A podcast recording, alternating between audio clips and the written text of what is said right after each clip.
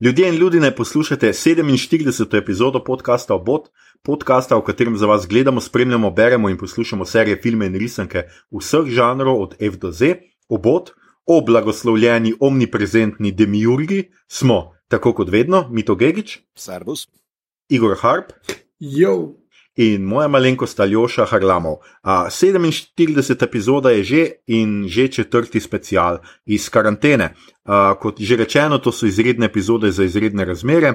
Znova smo se povezali preko spleta, naravnost iz naših domov, pozno po noči, ker je mi to moral dati mačke spat. In tako kot zmeraj se vnaprej opravičujemo, če naša komunikacija morda ne bo tako spontana in naravna kot je, ko snemamo v kinu Bežigrad, ima pa tako snemanje tudi pozitivne posledice. Meni je zelo všeč, da morata Mito in Igor dvigniti roki, da jo pustim a, do besede. A, tako kot slovenska vlada, sem v izrednih izmerah pač opijanjen z močjo. A, tole kot rečeno, snemamo za vse, ki ste te dni doma in ne veste, kaj bi sami sabo, še toliko bolj za vse tiste, ki si izolacije ne morete privoščiti, oziroma vam je kapitalizem ne privošči, pa tudi za vse pogumne, neustrašne, dobre ljudi tam zunaj, ki se izpostavljate, da bi pomagali najšipkejšim, bolnim. Pa omogočili izolacijo vsem nam, ki imamo ta privilegij, zlasti, seveda, so te epizode naša zahvala medicinskemu osebju, pa smetarjem, električarjem in tako dalje. Hvala vam, tega ne bomo in ne smemo pozabiti. Uh, v zapiske bomo, kot že zadnji dve epizodi, prilepili dve povezavi, kjer lahko pomagate uh, najprej družinam, ki so se v teh časih brez vsakega prihodka znašle v stiski. Račun je odprla organizacija Petka za nasmeh, ki jo je dobro podpreti že tako ali tako, ter inštitut 8. marec, ki je odlična organizacija za vse feministe in feministke. Če ste v teh dneh osamljeni, se lahko naročite tudi na njihovo a, tako imenovano pismo. A, če ste že naročeni, ste najbrž opazili, da so danes priporočali za poslušanje tudi en zelo dober a, podcast. A, seveda se inštitutu 8. marec a, za to. Za ta medklic zahvaljujemo. Skratka, to je ena povezava, druga povezava pa vam bomo dali, kjer lahko nakažete društvu Kralji ulice. Tudi brezdomci so seveda zdaj v teh časih ostali še bolj brez vsega in prav je, da jim pomagamo. Skratka, hvala vam, če pomagate in nikakor ne verjemite Merkatorju, najboljši sosedje ste lahko še vedno samo vi. Zdaj pa k epizodi. Tema tokratne epizode so, glede na dogajanje v slovenski politiki, kulti. Filmi o skrivnostnih, skrivnih verskih ločinah in združbah, brez skrbi. Pojasnili vam bomo, kaj kulti sploh so, in govorili bomo o različnih kultih, ker želimo biti multikulti. Uh, vsak od nas je potem izbral en film o, o, o kultih, in ker se trudimo, da bi ukrotili časovno dimenzijo tega podcasta, ki se je malo razrastla v zadnjih uh, epizodah, uh, in bi radi naredili epizodo, ki ne bi bila daljša od ure, ure in pol, tam nekje ciljamo, uh, vam bomo pa vseeno še navrgli uh, cel kup drugih filmov o kultih, ki jih bom, ne bomo natančneje obravnavali, pa standardna rubrika, kaj gledamo, beremo, poslušamo, bo tudi polna dobrih vsebin, tako kot zmeraj. Preden se tega lotimo, še standardno pozorilo, ja, tudi ta epizoda bo gotovo vsebovala kvarnike, se bomo trudili, da jih bo čim manj, da vas navdušimo za ogled teh filmov, ampak gotovo bodo. Uh, takšni pa smo, pokvarjeni, ne da se pomagati. Če bi se jim radi povsem izognili, imate spodaj navedene naslove, ki jih obravnavamo, pogledajte jih in prisluhnite epizodi, ko vam to uspe, do takrat pa poslušajte kaj drugega. Morda tišino, ki je v teh dneh zajela svet, ptičke, ki se znova pogumneje oglašajo, vse večji divini, ki vladajo tam zunaj, ali pa kakšno od naših prejšnjih epizod, tam ni tišine, ni ptičkov, je pa divjina žanrskega filma in serije in knjige in risanke. Uh, zdaj pa prosim, maestro, odreši poslušalce moje poezije. In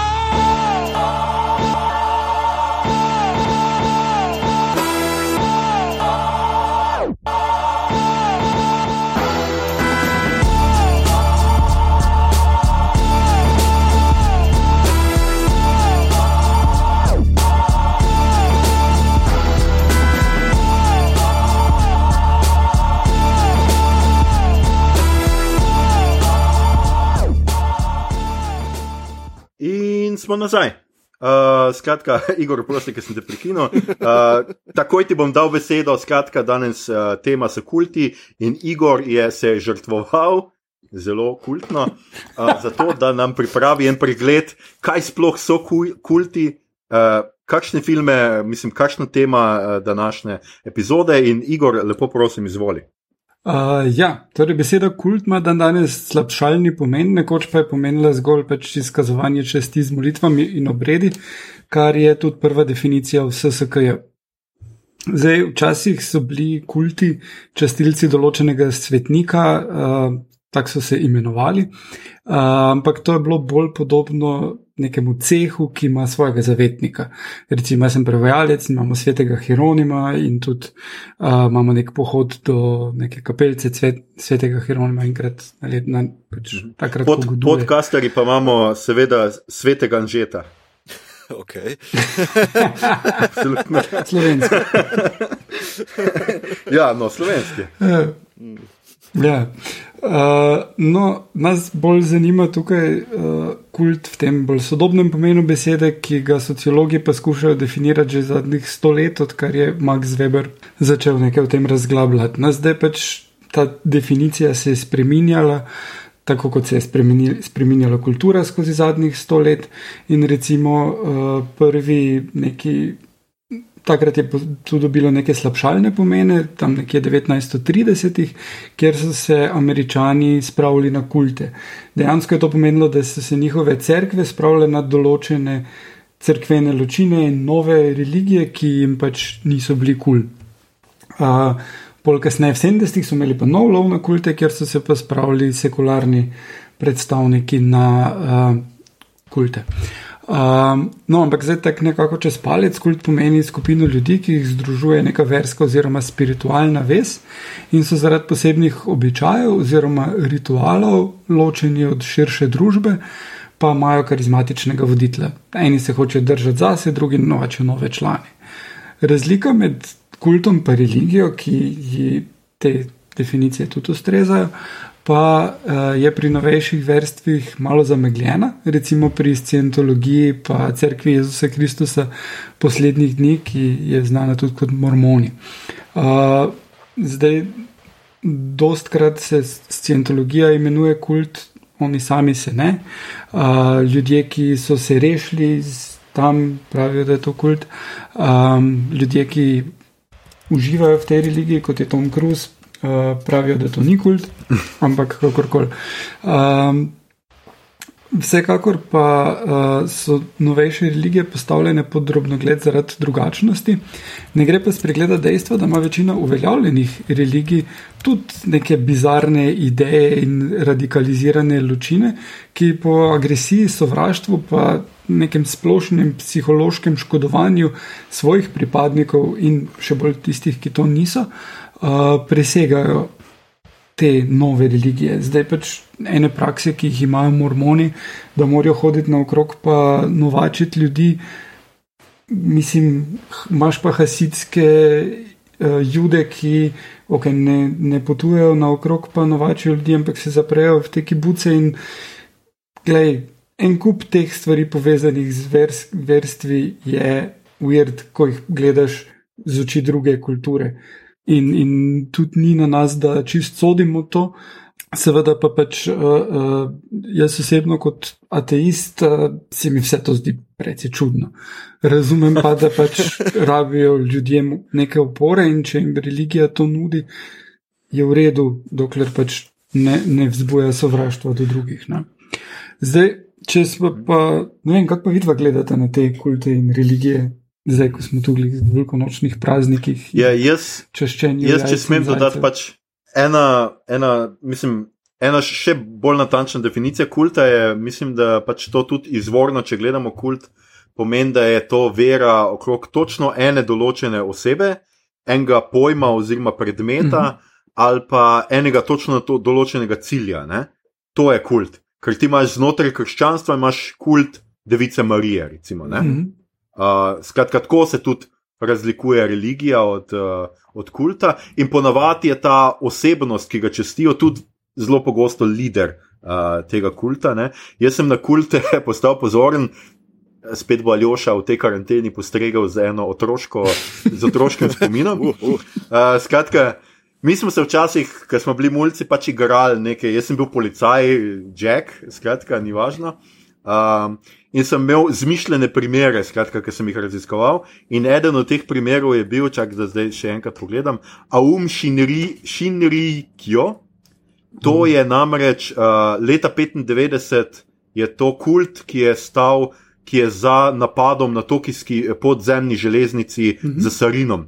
Ja. Uh, so okužili. Mislim, da je umrlo je 13 ljudi, uh, okrog 5000 ljudi je bilo poškodovanih in mhm. voditelj tega kulta je bil Šoko Asahara, ki je trdil, da je vem, drugi Jezus, pa nov Buda, pač oboje skupaj in da pač prihaja konc sveta in da pač ljudje morajo umreti.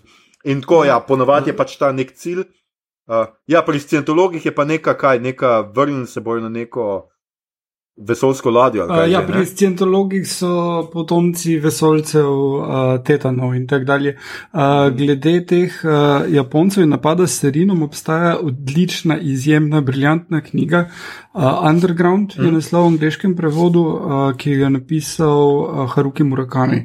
Zelo tanka knjiga in izjemno pretresljiva. On je uh, šel do preživelih in je naredil intervjuje z njimi, prav njihova perspektiva, kaj se je zgodilo, kako so prišli skozi to in da izjemen pogled v posledice tega dejanja in ljudi, ki so pri tem trpeli, in hkrati tudi, kaj je ta kult želel narediti in kako je to. Zblojeno, kako je to narobe uh, in kako to nikamor ne vodi. Ampak zelo, zelo, dobro, zelo dobra knjiga. Uh, prosti, da še nadaljuj, prosim. Kaj, kaj je tvoj detektivski boj... primer?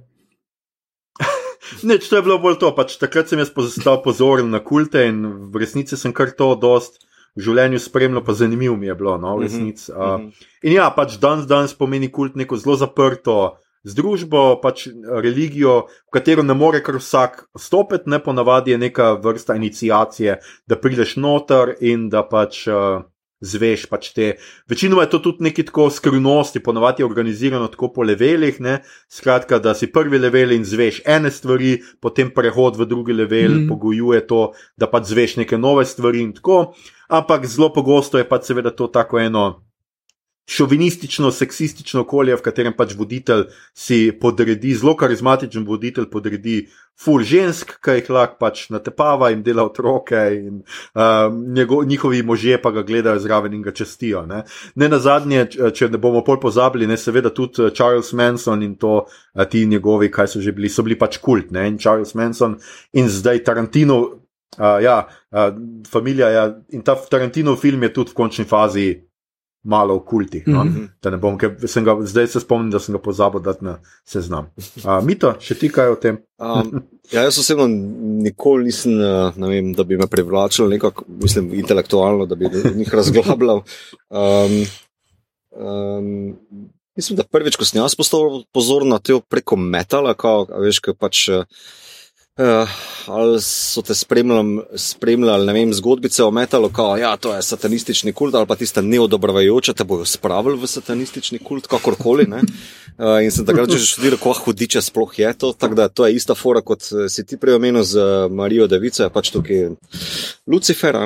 Um, Imam pa eno stvar za, mislim, to je ta en kult, ki, mislim, ta prvi kult, da, sem, da se spomnim, da sem razmišljal o njemu. Um, Meni je zanimivo, naprimer, uh, koliko sem bral o tem, kako se je počasi spremenjal, pa postal, rečemo, neki kult, ne toliko več uh, um, bad word ali pa neka, uh, nekaj, kar se moramo braniti.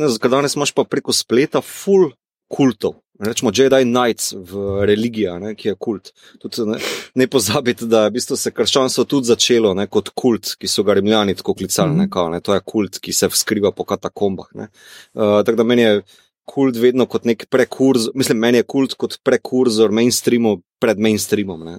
Rečemo tako, jaz sem vedno na ta mm. način razmišljal. Uh, pa še ena stvar sem opazil, uh, da kulti so bili tudi mogoče v, že v 70-ih neki prekurzori določenih uh, družbenih norm, ker naprimer oni so bili prvi malo bolj odprti za feminizem ali pa za vegetarijanstvo. Uh, ali pa za mehke, ali pa za droge. Mehke droge, naprimer, neko rastafarijanstvo, pa naprimer take zadeve.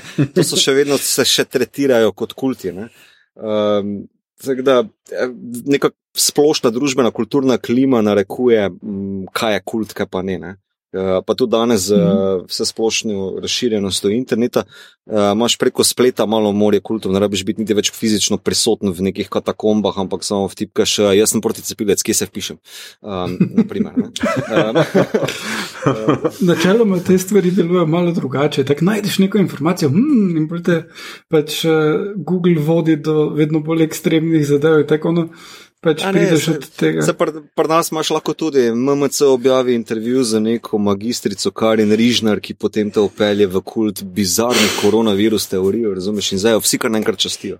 Uh, Čakaj, a nismo zmenjeni, da, je, da so 5G chemtraili naredili? A ne, ne, ne, oni se, koliko vemo, se oni branijo 5G, to je samo, to je samo o cepljenih, uh, farma lobby, pa ne vem kaj še. A, ja, ja. no, se te, te pa itak, ne. Kult. S- Sami zase. Ja, ja. Um, Um, ja. Uh, ja, zanimivo uh, se mi je zdelo to, kar si omenil, metal. Ne? Vedno je bilo uh, tale satanic panic, se, se je temu reklo, ja, zdaj metal vas bo pripeljal do satanizma. ne. Uh, hkrati pa je tudi velik del metala bil posvečen um, uh, novačenju v uh, tele, uh, kako se že reče, nacistične uh, fore. Ne? O tem pa se takrat ni bilo. ne. Recimo, to je v tem filmu o Bre, um, uh, kaj je že človek, ki je Stigo napisal. Ja, Štigo Larsonu, ma- on je ful to raziskoval, ne, da ful teh metalcev je v bistvu imel neke metal filozofije, ki so jih širili prek tega. Ne, in uh, zanimivo se mi zdi, ne, da v splošni družbi je bilo ful uh, metalci, ne, to te bojo satano prepeljali, ne, zato ker je en tip eno crkev zažgal. Uh, Medtem ko to, da so imeli naci zborovanja in pa, ja, ne, vse je vrelo, vse je vrelo. No, harm, No, no dobro, foul. sem naci imajo radi. Naci imajo radi domovino, veš, Satan je pač, on bo vse uničil. Razlika je, Igor. Odvisno, Pretanjena, ampak odvisno, kako frizuro ima tisti teden. Veš. Uh, če je blond, je ok. ja. No, skratka, ena izmed eh, stvari pa je seveda kult osebnosti. ne. Tudi, zaradi tega smo tudi malo uh, vzeli. Mislim, da to, uh, to temo tokrat, no, ker se tudi pri nas ta kult osebnosti zelo, zelo, uh, zelo dogaja. Ne, včasih smo imeli Tita, danes imamo pa Mhm. Janeza. tako da. mhm. Ja, vmes smo še imeli. Zdaj na tej točki so nas zapustili. A ja, no, in zdaj na tej točki so nas zapustili marsikateri poslušalci. Uh, ne, mislim, da natančneje zdaj imamo Kristjana po novem, kot se zasleduje. ja, imaš prav. Uh, resno, resno me zanima, kaj je uh, problem tega, da če misliš, da imaš rad Slovenijo, da moraš sovražiti slovensko slovnico in biti prepričan, da so vejce nekaj, kar se arbitrarno postavlja, velike začetnice, pa nekaj, kar ti Bog pove, kam se dajo in ne. Uh, Ja. ne Igor, to je logično. Vejce so tiste, ki te uh, ukvirjajo misel, prekinjajo ti misel. In misel je nekaj naravnega, misel je v stiku z zemljo. Ja, ja. Pa tudi, A veš, mora, to mora teči tako kot kri, ja, ne, ne, ne. kri in To zemlja. teči kot pri scientologiji processinga, veš. Um, Ah. Ker ta Ja, ja. hipnotičen meditativni moment ne sme prekiniti, ja, ja. tvoji engrami ne smejo stopiti v usporedje, ti se moraš zradirati. Ne, v, če kako že rečejo cientologi, um, open entity, open mind. Ne, Ja, ja, to je ja. ja. prvi level, ne, veš, tvoja Ja, ja, prva ja. ja. stopnja. O, Madonna. I- Mi to ti si pa poučen od scientologije. Ja, Ja, no, sem, gledal, jaz sem zbral um, scientološko apropriativen film. No, to je res. Ja. Jaz pa živim v zelo blizu mor, uh, mormonske cerkve. Tako da ja. Ja, ti so še slabši kot scientologi. Uh, je pa zanimivo, da policija, jaz sem najprej mislil, da jih ima policija ful pogosto tako pod kontrolo. Uh -huh. tak vedno, zelo pogosto je tukaj, uh, poleg cerkve, parkiran policijski avto. Pol pa sem ugotovil, da je tam blizu 40 omejitev in da stojijo tam, ker imajo najboljše radar postavljen, tako da se jih ne vidi. A ja, da okej. kazni pišejo Okej. voznikom. No, to je boljše kot moja teorija, kaj pa če so člani, veš. Tudi možno. Tako pridejo, ja, to kazen za prehitro vožnjo bo toliko lahko, pa pridete not, pa se pogovorimo. Polovička, veš. Uh, okay, uh, mislim, glede policije, mislim, da tega ne počnete, če nas kdo posluša. To je samo jok.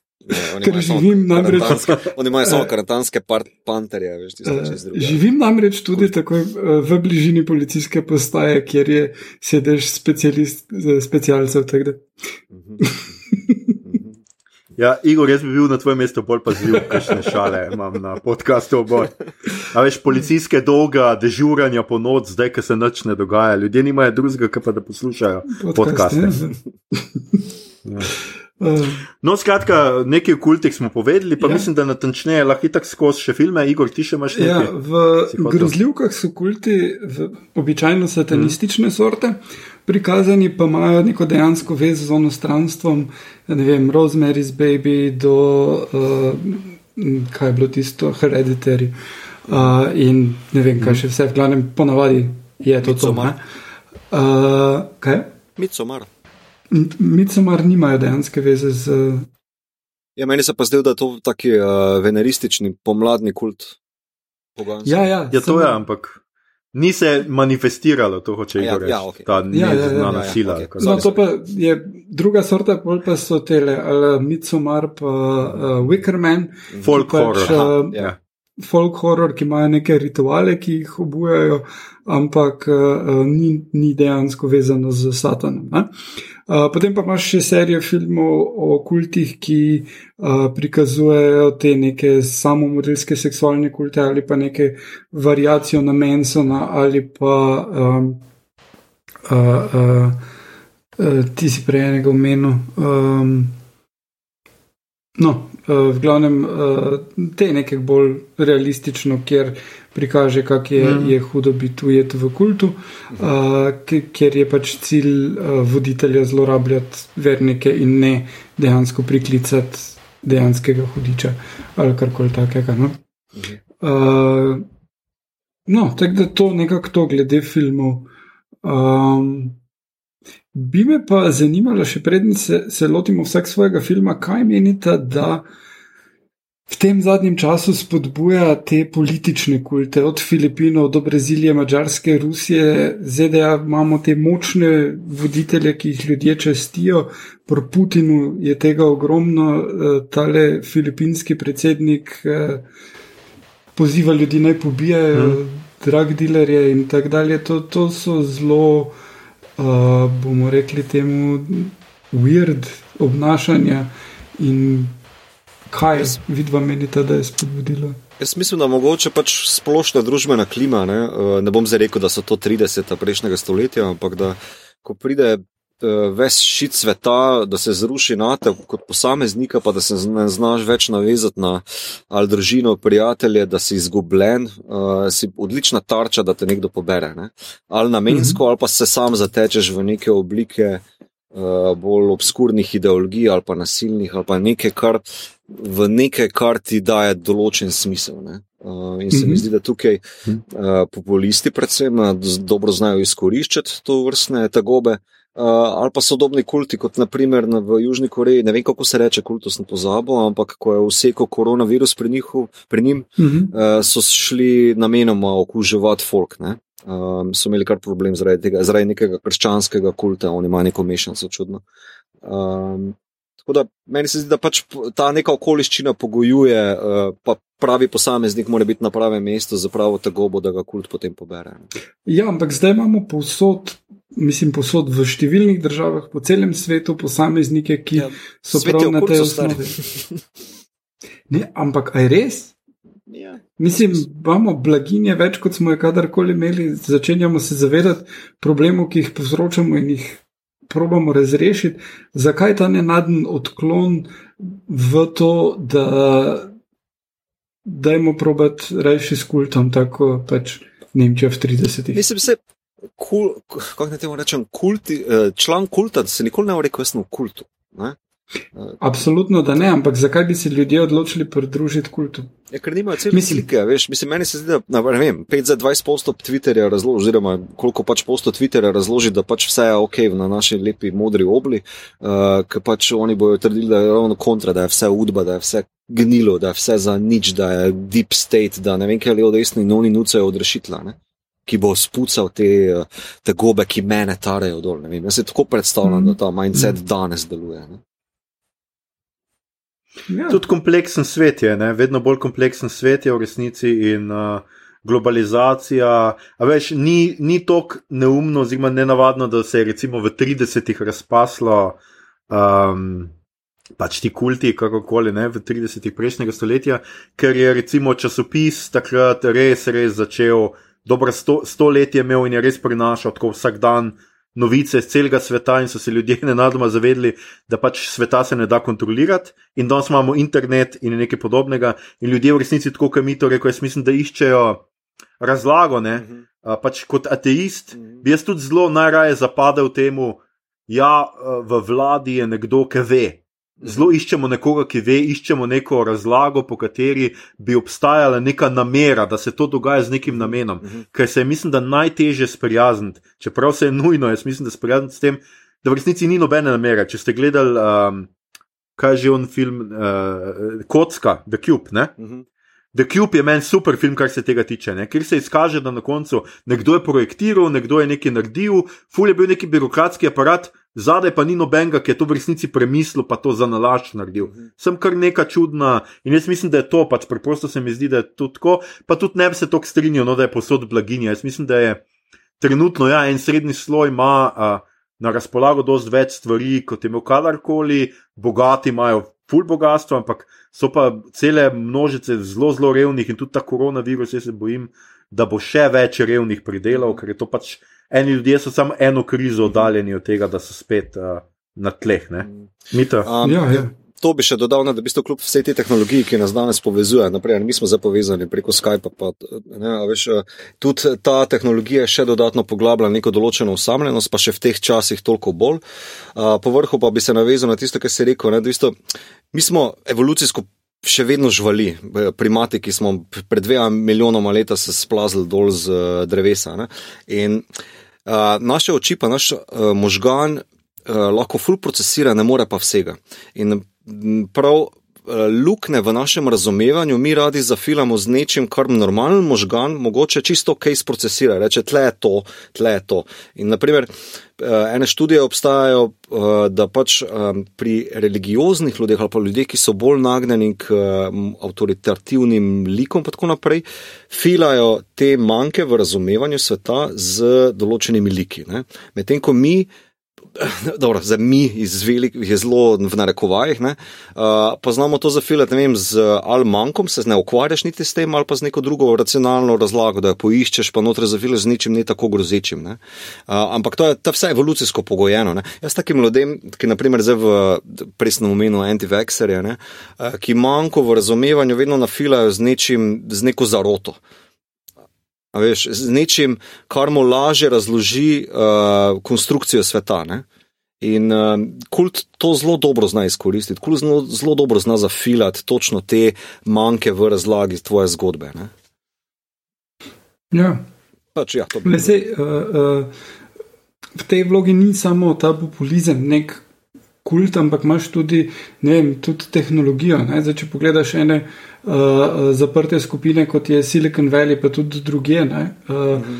imaš ta prepričanja v individualno svobodo in uh, tehnologijo, ki bodo razrešila vse, ki potem probajo ustanoviti, uh, mislim, poskušali so ustanoviti neke libertarne uh, urejene države, ampak seveda v končni fazi je, je tam svoboda samo toliko, koliko imaš keša.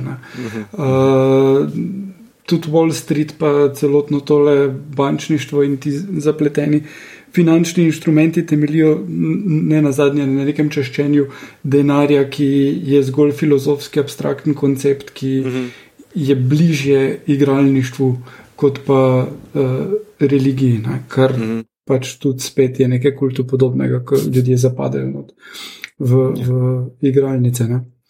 Um, ja, mislim, se, se strinjam pa s tabo, Aljoša, da ta eh, kriza bo najbrž prinesla več revnih, je pa tudi mogoče priložnost, da razmislimo o povsem drugačni družbeni ureditvi. Ne na zadnje, uh,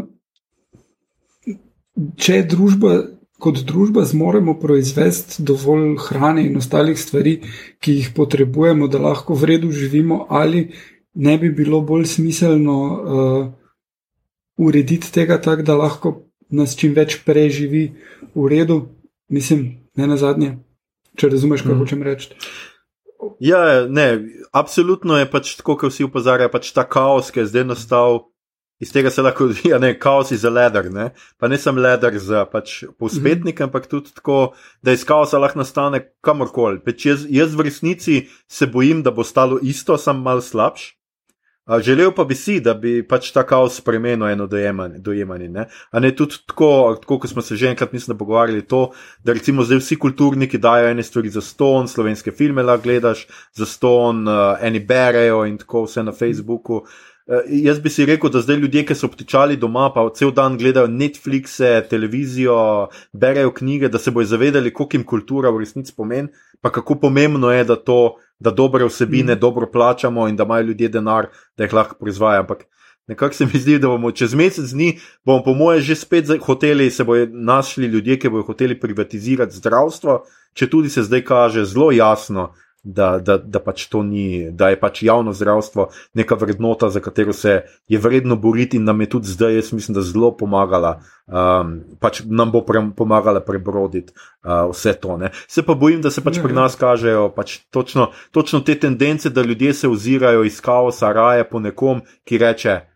Tells it like it is, ne, kot reče za Trumpa, ki reče: Tako je, tako bomo naredili in gotovo. Če tudi Mogoče kdo ne verjame, da je vsaka njegova odločitev v redu, ampak verjamejo pa ljudje, da se, da se treba ene stvari odločiti zdaj, takoj in ravnati.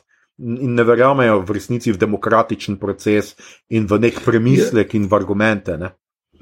Ja, no, mislim, ja. še večji problem je, pri, sploh pri Trumpu, recimo, ne, da uh, konstantno spremenja svojo zgodbo, spremenja resnico, laže in vse to. Ne? Mislim, to, to je pa neko osnovno uh, dejanje, ki ga ne bi smeli sprejemati ljudje. Ne?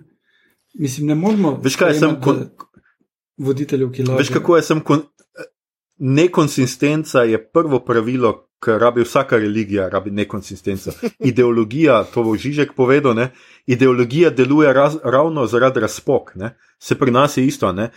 govoriti, zdaj ostanite mm. doma, po drugi strani pa gledamo gradbeni delavci, tudi iz drugih republik, bivše juge, pa pri nas normalno delajo, pa se nobene vpraša. Ne. Uh, nas totalno nadzorujejo, ne smemo ven, ne bi smeli ven niti na sprehod.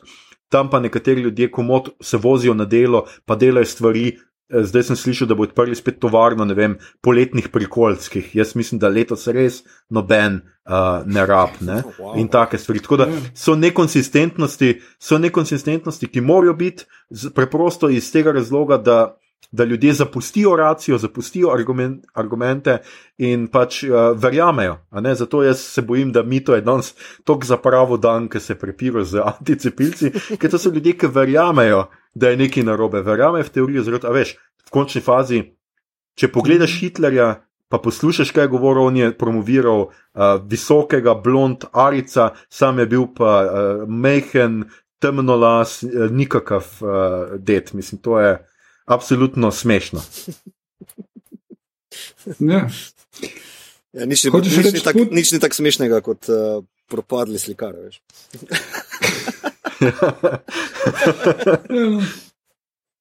Tle se strinjamo vsi.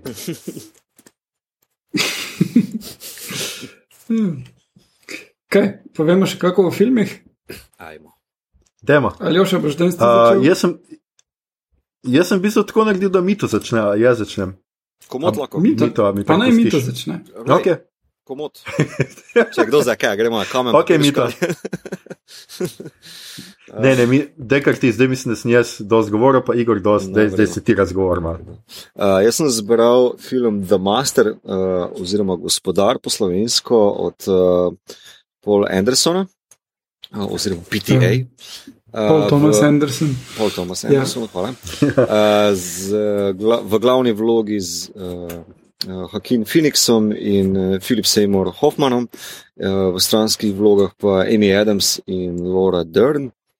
Uh, film je zgodba, prav, film je ljubezenska zgodba med uh, Fredijom, ki ga igra Hakin, in The Master, oziroma Dan, uh, ki ga igra Philip Seymour Hoffman. Zdaj, ko rečem ljubezenska zgodba, to je zelo pogojno. Pač, uh, uh, ves film je v njunem razmerju. Uh, Hoffman igra tega The Masterja, ki je vodja kulta, uh, ki ga je Anderson osnoval na podlagi lika L. Ron Hubbarda, torej ustanovitelja uh, scientologije. Uh, in se predvsem nanaša na zgodnjo fazo uh, scientologije, preden, uh, ki se je imenovala Dietetika. To je njegova prva knjiga. Um, Freddy je pa lik, ki se je ravno kar vrnil iz vojne, potrt, izgubljen, alkoholik, uh, spolno frustriran, uh, nekako uh, živi kot neka napol žival, ker je zelo popadljive jeze, ne zna se kontrolirati v družbi, ne brzdan. In uh, ko se znajde na ladji uh, The Masterja, ne, uh, ga vzame on pod svoje okrilje, da bi ga seveda spreobrnil, pa nekako civiliziral. Uh, pa par skupnih točk, torej ljubezen do seksa, ljubezen do uh, alkohola, uh, pa drug v drugemu vidite neko določeno afiniteto do uh, nekonformiranosti, do neke določene primarne žival, živalskosti. Da master pri Fredju ful spoštuje, da je sproščen in da je da se ne omejuje na neke družbene norme, medtem ko Freddy v njemu vidi uh, pač Eh, lik, kateremu se lahko zgleduje kot eh, neko močno avtoritativno figuro.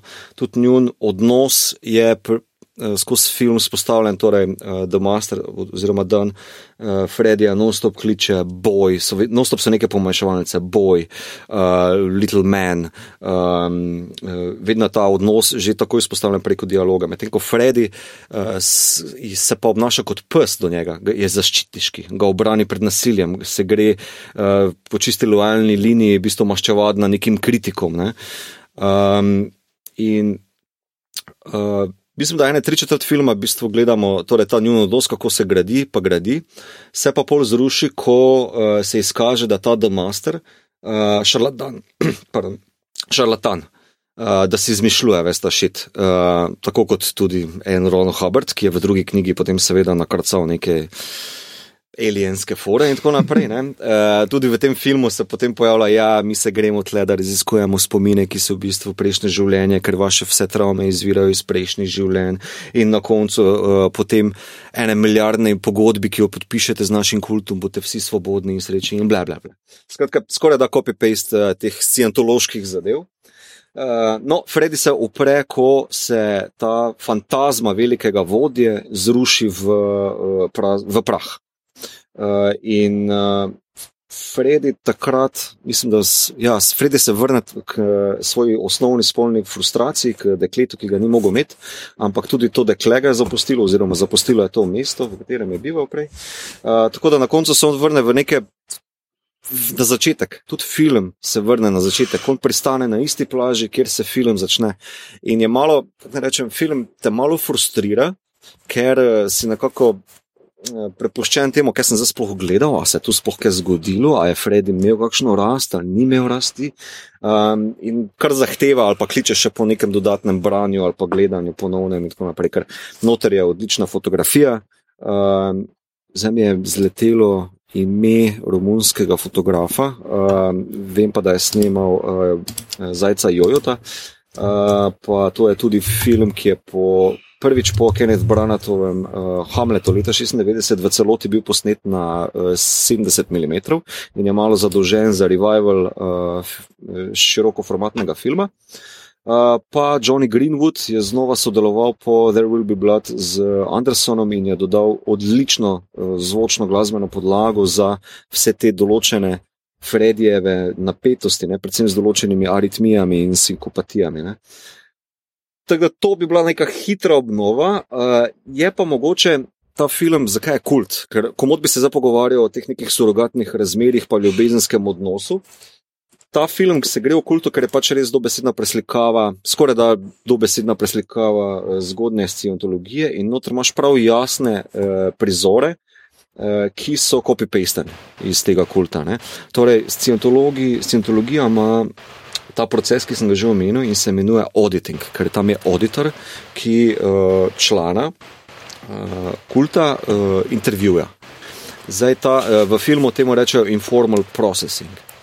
In uh, je ful lepa lušna scena med uh, Freddyjem in uh, uh, Masterjem, uh, kjer se preko meditativnega stanja, torej monotonega glasu, ki je, ponavlja ene in ista vprašanja, kako ti je ime, kako ti je ime, kako ti je ime, a se kdaj lažeš, a si kdaj seksal s kom v svoji družini. Naprimer, se preko enih 100 ali 200 vprašanj ta scena izkaže kot čisti isti šit, ki ga scientologija prodaja. Zdaj, to zg ni zgolj neki pseudo, seveda je, pseudoznanstveni, psihoanalitični pristop. Je več, je tudi hipnotičen način, kako v bistvu vzpostavljati avtoriteto nad nekom. Ko ti ponavljaš tako dolgo in ga pripravljaš do nekega, ne vem, rečemo temu. Uh, minornega pop uh, psihološkega uh, razkritja neke določene travme, ker to, uh, to se lahko zgodi v takšnih zadevah, ker v bistvu, ne vem, tebi se nekaj odklene in večina teh članov potem pristane v kultu, glede zato, ker wow, jaz se boljše počutim. Meni se nekaj odklenil, kljub temu, da je v bistvu, ker ima efekt, ima kognitiven efekt, ne, ta način zasliševanja, ampak eh, tu se inštalira malo morje drugih zadev, predvsem ta um, spoštovanje do kulta, pa do lika velikega vodja in tako naprej. Um, film potem, torej to je osnovna zadeva, ki jo film izpostavi, ne, ta uh, informal processing slash auditing, ki ga scientologija fura. Uh, pol so pa prikazani tukaj, v bistvu, rečemo, te neki ilustrativni elementi scientološkega kulta, torej izogibanje davkov, vedno so na ladji, ki je tudi L. Ron Hubbard imel ladjo. Uh, rečemo, ključna scena v filmu je tudi copy-paste iz Hubbardovega življenja, kjer je imel nesrečo z motorjem v poščavi. Uh, bral sem, da po tisti nesreči leta 1974 potem, je potem scientologija postala dosti bolj um, barvita. Uh, pa, uh, da se tako izrazim, Bani Rebec se ne bojo prenesli dobro na podcast. Um, V filmu je pa ta scena narejena tako, da uh, ta The Master izpostavi divjanje z motorjem proti točki na horizontu kot neka psiho, bla, bla, uh, fora, da se malo očistiš, ampak ko Freddy pograbi motor, v bistvu zbeži od njega. Uh, takrat je njuna ločitev dokončna. Ne. Tako da to. Uh, kar se tiče kultov, vse bi lahko dosti bolj šel še noter v detajle, ker tam so še neki drugi odnosi z tretjo ženo od tega masterja, pa z njegovimi otroki, pa z drugimi člani. Ampak za to našo debato danes bi reči pri tem ostavno. Uh, Uh, eno vprašanje imam, eh, glede na to, ta auditing um, ali uh, informal processing. Uh, zelo podobna scena je v, v Blade Runner uh, 2049, uh, kjer uh, tega agent K-ja se javlja in ga preverjajo. Uh, misliš, da, da to prav od tam zdaj, to je scientologija? Ali... Možno, možno. Mislim, zelo zanimiva debata bi bila ne okrog tega, ali pa vse primerjava. Čeprav nastavki so v bistvu diametralno nasprotni, ker pri. Uh, um, sumničavem osebku, ki bi mogoče bil replikant, želiš spodbuditi. Uh, ne, tam, tam je vsekakor replikant, samo gre se za preverjanje delovanja tega replikanta. Ja, ampak tudi v originalu, ne, uh, Blade mm. Runner dva, iz leta 82 je dekrat rekel, da bi to tale uh, Void Compov test želi spodbuditi oziroma registrirati emocionalni odziv, tako vemo, mm. da si mhm. replikant. Medtem ko tukaj v auditingu je pa tako, da uh, se, če kako že rečejo scientologi, ti preko tega informal processinga, slash auditinga, v bistvu uh, radiraš svoje inštalirane uh, engrame, uh, svoj reakcionarni možgan ali um, da se ti odpre uh, optimalen open mind. Uh, torej, tebi mm -hmm. se mhm. mora svet nekako sprostiti. In je v bistvu uh, cilj ali pa ta pot od tega, je v bistvu, da radiraš emocije stran, da se odpiraš v bistvu tem ukazom. Pa, pozivom, pa vprašanjem, ne, da bi se tebi odperejo prejšnje življenje, spomini, bla, bla. Ne. Torej, uh, želeni rezultat je ravno drugačen. Ne. Kljub temu, da v filmu je zelo, zelo huda scena, mislim, Hakim Phoenix zmogel, po mojem, že 12 dobiti um, ja, Oscarja. Ja. Um, on, on ga on ga prav malo pere. Uh, mu reče, Freddy, zdaj pa uh, ne boš niti enkrat uh, pomežiknil za očesom, uh, drugače se vrnemo na začetek vseh vprašanj. In ga spravlja v bistvu tako daleč, uh, da že malo popizdi, pol mu pa reče, zapri oči in začne ta raziskovati nek določen spomin, spomin te doristi, njegove primarne osnov, uh, spolne frustracije. Ne? In po tistem uh, se Freddy boljše počuti, ker ima odkleno nek šit. Tako da je glih malo drugače um, kot pa to. Je drugače pa blušna primerjava. Ja. Kul, cool. ja. Ok. Uh, mislim, jaz se moram strinjati, da je film res odličen in dober in nelagoden, mm -hmm. kot uh, mnogi Paul Thomas Anderson filmi. In mislim, da malo manjka akcije, mogoče uh, imaš občutek, ko gledaš, ampak isto velja za tega zadnjega Phantom Thread. Ampak, ko, si, ko, ko je film mimo, si ti dost več pusti kot pa uh Mhm. -huh. filmi, ki imajo veliko akcije, pa dogajanja, pa tudi več kot recimo, ne vem, Nolanovi filmi. Ja, ja. Po Mislim, Nolanovih filmih razmišljaš, o, da to pa je bilo prebrisano, ne? po teh pa razmišljaš, zakaj sem se tako počutil ob tem in ja. kaj vse je bilo tu zadaj skrito. In se mi zdi, da, da je kar. Um, Mislim, moje, moje gledanje, pred, lahko bi celega, z- mislim, zadnjih par filmov od Andersona rekel na ta način, da je full dober art. Torej, takšna art, ki mm Mhm. -hmm. uh, se reši ukvarja z postavljanjem zelo dobrih, uh, zanimivih vprašanj, kot pa iskanje odgovorov. ne. Uh, ker Nolan zdaj v primerjavi, vsega ne, niti ne bi mogel primerjati, uh, je bolj intelektualec v plotu, pa kako bomo zgodbo konstruirali. pa tako naprej. Medtem ko tukaj pa on uh, dosti več časa preko dolgih trekking šotov, pa širokih kadrov, brez hudih rezov, pušča, da se utapljaš v te res hude mm. -hmm. igralske us- uh, ustvaritve. Ne? Um, ker nekako štekam, da hočeš, kaj hočeš reči, ni akcija, ampak. To ni akcija, to je valček. Vse ta film je valček med tema dvema glavnima likama, kot nekdo, ki išče uh, partnerje za ples. Ne? Ker Eddie je idealen kandidat za, uh, pardon, Freddy je uh, idealen kandidat za kult. Ne? Uh, nekdo, ki je popolnoma zgubljen, ki ima malo more problemov, ki se ne zna obnašati, ne? in nekdo ga tam pobere z uh, duhovitostjo, Mm. intelektom, pa v pogledom v neko tako psiho in ga potem dvigne na neki na pol funkcionirajočega. Ne? Um, Tako da, to, o tem je film. Ne? Zdaj, rabiš akcijo za to? Ne, ne rabiš. Samo full alkohola, pa Mhm. fuka. Um, ja, noter je ena lušna scena, ki nekako se ti prvič zazdi, da Freddy mogoče ne deluje tako, kot bi moral po tej dok- doktrini, ko The Master uh, pleše na neki tej house partiju uh, z dekleti. In je neka lušna, taka vintage uh, muska noter, kjer on govori, rad bi s tabo plesal. Ne? In je nekako tako lepa ilustracija, uh, tako mat sam po besedilu, je lepa ilustracija njunega odnosa. Freddy ga pa oddaleč iz kota opazuje, ampak on vidi vsa ta ista dekleta, s katerimi The Master pleše, gola. Ne? On Mhm. še vedno preko tega pogleda ne, izkazuje njegovo osnovno spolno frustracijo ne, in da še ni prišel preko tega. Ne. Tako da, Mhm. ful, ful, zanimiv film za pogled. A veš, lahko bi zdaj rekel, ja, le, to je v stentologiji, to je lahko tvoj starting point. Samo mislim, da bi bilo bolj zdravo reči eh, ali pa pošteno uh, do nekoga, ki še ni gledal tega filma, kao to je ljubezenska štorija, to je valček, to je pet gledati ta ples. Ja. Cool. Ja. Ok, to, to je zelo uh, dober uvod v ta film. Mm. Um, Aljoša, Ok, sem jaz na vrsti. Um, ja, jaz sem zbral um, po nekaj kar, uh, razmisleka, ker sem hotel ful različnih stvari. Razmišljal sem tudi, da bi pogledal ta film z uh, Mattom Smithom, kjer on igra pač skratka Charlesa Mansona.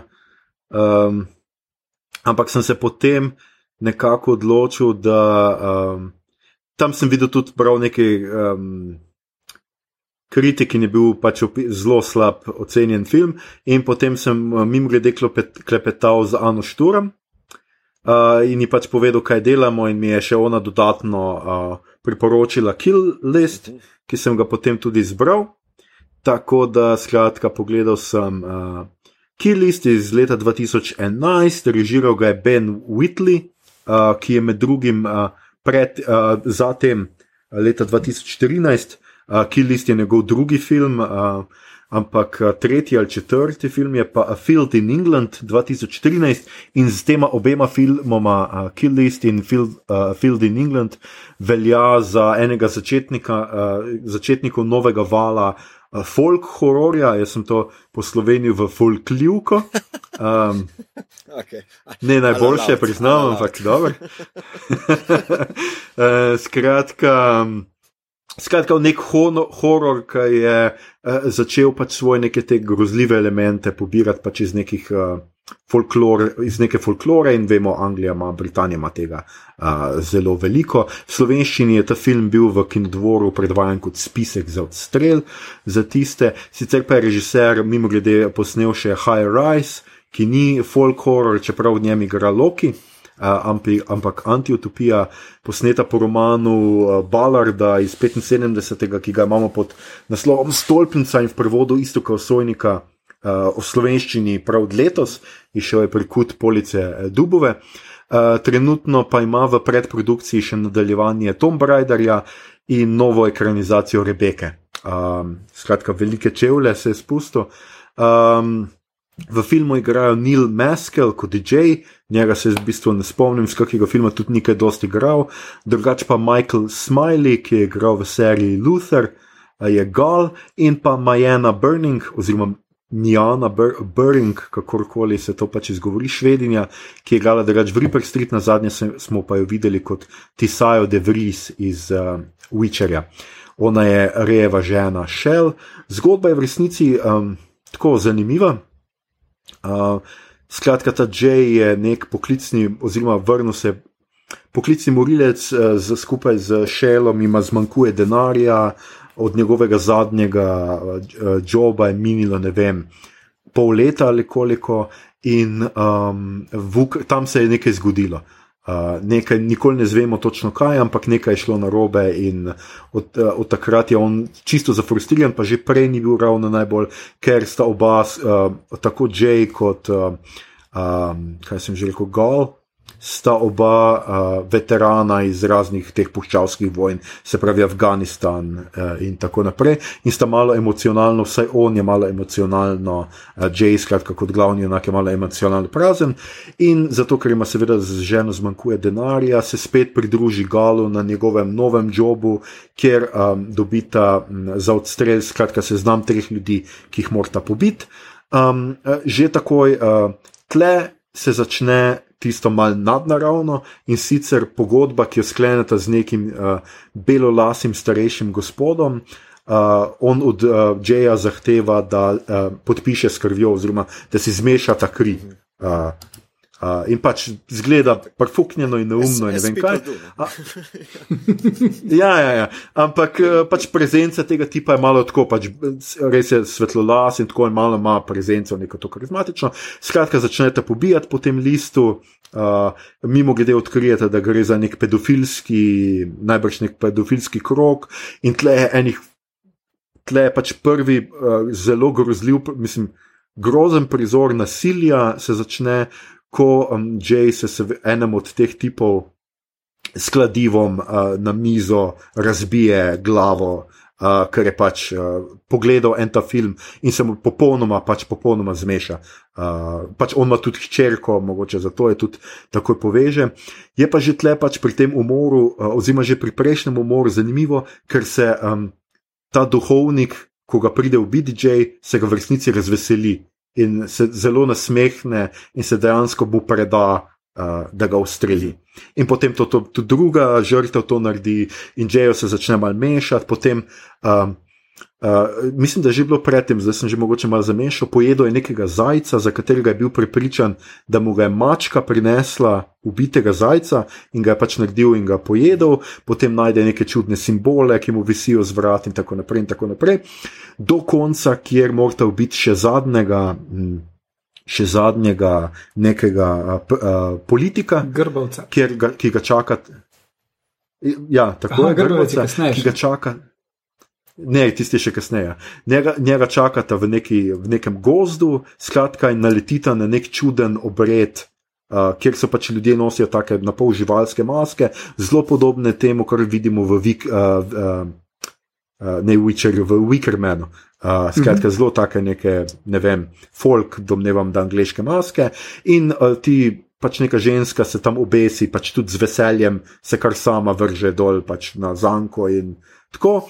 In Džejo se čisto zmeša in začne kar postreljati po vseh teh ljudeh, in tako. In um, potem zbežijo domov, in ga pač uh, uh, na zadnjega ta kult dobi, in zdaj zadnjih pet minut filma pa vam ne bom povedal, kaj se zgodi. Ampak skratka, uh, film je zelo nenavaden, ker imate um, ti kultni elementi, so v resnici čisto na koncu. Um, nikoli ne zvemo, kaj pravzaprav ta kult v resnici hoče, razen da zgleda, da, džeja, uh, da v Džeju vidijo nekega, ne vem, antikrista ali mesijo ali karkoli, ali da ga pripravljajo za neki in da so ti umori v resnici nekova, njegova inicijacija uh, v, ta, uh, v ta kult. Um, odpira pa zelo zanimive teme, pač to je čas recesije, zato ima pač te družine imajo finančne težave emocionalno izpraznjenost ljudi, ki so se vrnili uh, kot veterani iz vojn, kaže. Deloma kaže malo to napetost med urbanim in naravnim. Um, je pa film bil deloma tudi uh, improviziran, kar se mi je zdelo pač zelo, zelo zanimivo. Pač dialoge so sproti, uh, so kao sproti pisali in odlično stopnjuje napetost. Meni je bilo super. No, tako, ti elementi, pač najprej od te pogodbe, pa ta nasmeh tistega župnika, pač zelo počasi ti gradi nek feeling, uh, da to ni vse. Zdaj, če jaz seveda ne bi vedel, da je to film v kultu, bi bil na koncu, priznam, da čisto. Uh, bi bil precej presenečen, no? ne bi vedel, da se bo to zgodilo, ampak pač, ker sem vedel, da sem s, to, s tem šel gledati, me je manj, manj presenetilo. Ampak meni se je zdelo pač zelo tako. V resnici je ena kriminalka, ki ima na koncu zadnje pol ure uh, totalen twist v grozljivko in pač vmes že ene te stvari. Tako da odlično stopnjuje napetost, gradi vzdušje, uh, kot sem že rekel, podobno je Wickermanu, ta nek simbol, ki pa ga neka gostja. Vreže, a to sem še ena, ja, ta scena, ki že napove vse skupaj, neko gostjo, pač punco, ta, ta gal privede neko punco zraven, ki odpušča ljudi, njen job je pač human resources in odpušča ljudi, ko jih je preveč. In ona enkrat vmes gre v kopalnico, na vece in ureže nek, neko znamenje na drugo stran ogledala. Uh, in to znamenje je zelo podobno temu, ki je, ki visi, ki je za Blair Witch Project, kar je režiser Paul. Uh, Presenečen, ugotovil tudi sam, ampak nekateri pravijo, da je zelo podoben tudi ne, nekemu znamenju iz Harry Potterja, zdaj sem pozabil točno, mislim, da za te Delphi, Delphi Hollows ali karkoli že, skratka, za te krucifikse ali kaj so že. Uh, skratka, za. Ja, ja. Tako, tako, ta kruc, ja. No, skratka, ta zname. In um, pač eno interpretacijo sem še pogledal, nekaj video je tudi, da se to J.O. vse skupaj sanja, oziroma da je na pol je tako, na pol sansko, na pol neko uh, tako feeling je. No. Čeprav je zelo, zelo realistično in nekaj res, res ogabnih prizorov uh, nasilja, no. res dobro narejenih, brutalnih, ki te čist. Totalno šokirajo. No? In tudi režiserja sem gledal, ki je v enem intervjuju rekel, da tisti pač, tist brutalno umor s kladivom je točno zato naredil, ker je ne vem, zdaj sem pa pozabil, v katerem filmu že. V enem filmu je točno gledal nek film, ko se zgodi nasilen uh, dogodek, film popolnoma menja žanr in tudi njemu se je zdelo pač ful dobro, da bi to naredil, pač, da bi naredil neko nasilje in da bi pol dejansko zamenjal žanr. Tako da jaz sem bil zelo presenečen, tako en film, o katerem v življenju nisem kaj dosti slišal. Uh, in potem sem ga pogledal, in mi je bil tako, uro pa pol je samo dolg, in je tako res en tak roller coaster drive. Uh, in se Ani Šturm še enkrat zahvaljujem, ker mi ga je uh, priporočila še bolj uh, zauzeto. Poglejte. Um, ja, meni je Kill List super bil. Meni je bil tisto leto en najboljših filmov, kar sem jih videl. In sem ga videl, dejansko sem ga pa videl na HBO-ju, ker mislim, da je bil prej na HBO-ju, kot pri nas v Kinu. Uh, ja. HBO včasih dobi evropske filme fully hitro. Uh, in uh, uh, uh, mene je, je čist tudi uh, šokiral takrat. Um, Sploh pa, kar je, je ful dobro narejeno, je pa ta cikličnost. Pol. Film konstantno menja žanre, ampak če ga zgradiš, je pa kot iz oklepajev narejen. Aha. In dejansko ena od prvih, prva scena, ki jo vidiš, pa zadnja scena, ki jo vidiš, sta povezani hmm. in potem, če greš not, se sestavljajo stvari. Prav tako. Ja. Um, insane, noro narejen. In ben Whitley je naredil še, še eno par drugih filmov, ti tudi nisi uh, omenil, mislim, da uh, kaj že ona dva, ki hodita na dopuste. Uh, tudi ena tako zelo črna komedija, hmm. um, vem, popotniki ali nekaj takega, v glavnem en par, ki sta grozna človeka in hodita uh, pri kolcu naokrog uh, in potem enega povozita pomotoma, pa bo ugotovitev, da je fajn pobijati ljudi. Pa they take it from there. Pa film, kljub tej premisi, obdrži toliko humorja not in je tako dark ta humor, da kar ne moreš verjeti. No, tak, ja. um, zelo, zelo. Bom, bomo dali link na koncu. Glavnem, karkoli od Bena Whitleyja je Super. vredno ogleda. Um, ja, Um, tako da. Ja, mi to tudi priporočamo gledati. ja, ja, bom jaz, uh, mislim, ceta, da ga ulovim. Me pa nekaj zanima, torej, kaj je to, zdaj, uh, to je pagan uh, kalt potem, kak. Pravzaprav ne zveš dovolj. Veš kaj, ni. Ne moreš, ne Ampak bi ja. mogel zdaj reči, Ne. da glih vzdolž te linije ali kak. Death cult. Na pol, na pol malo se ta, malo deluje. Ja, Death Cult je bolj no, tako nekako.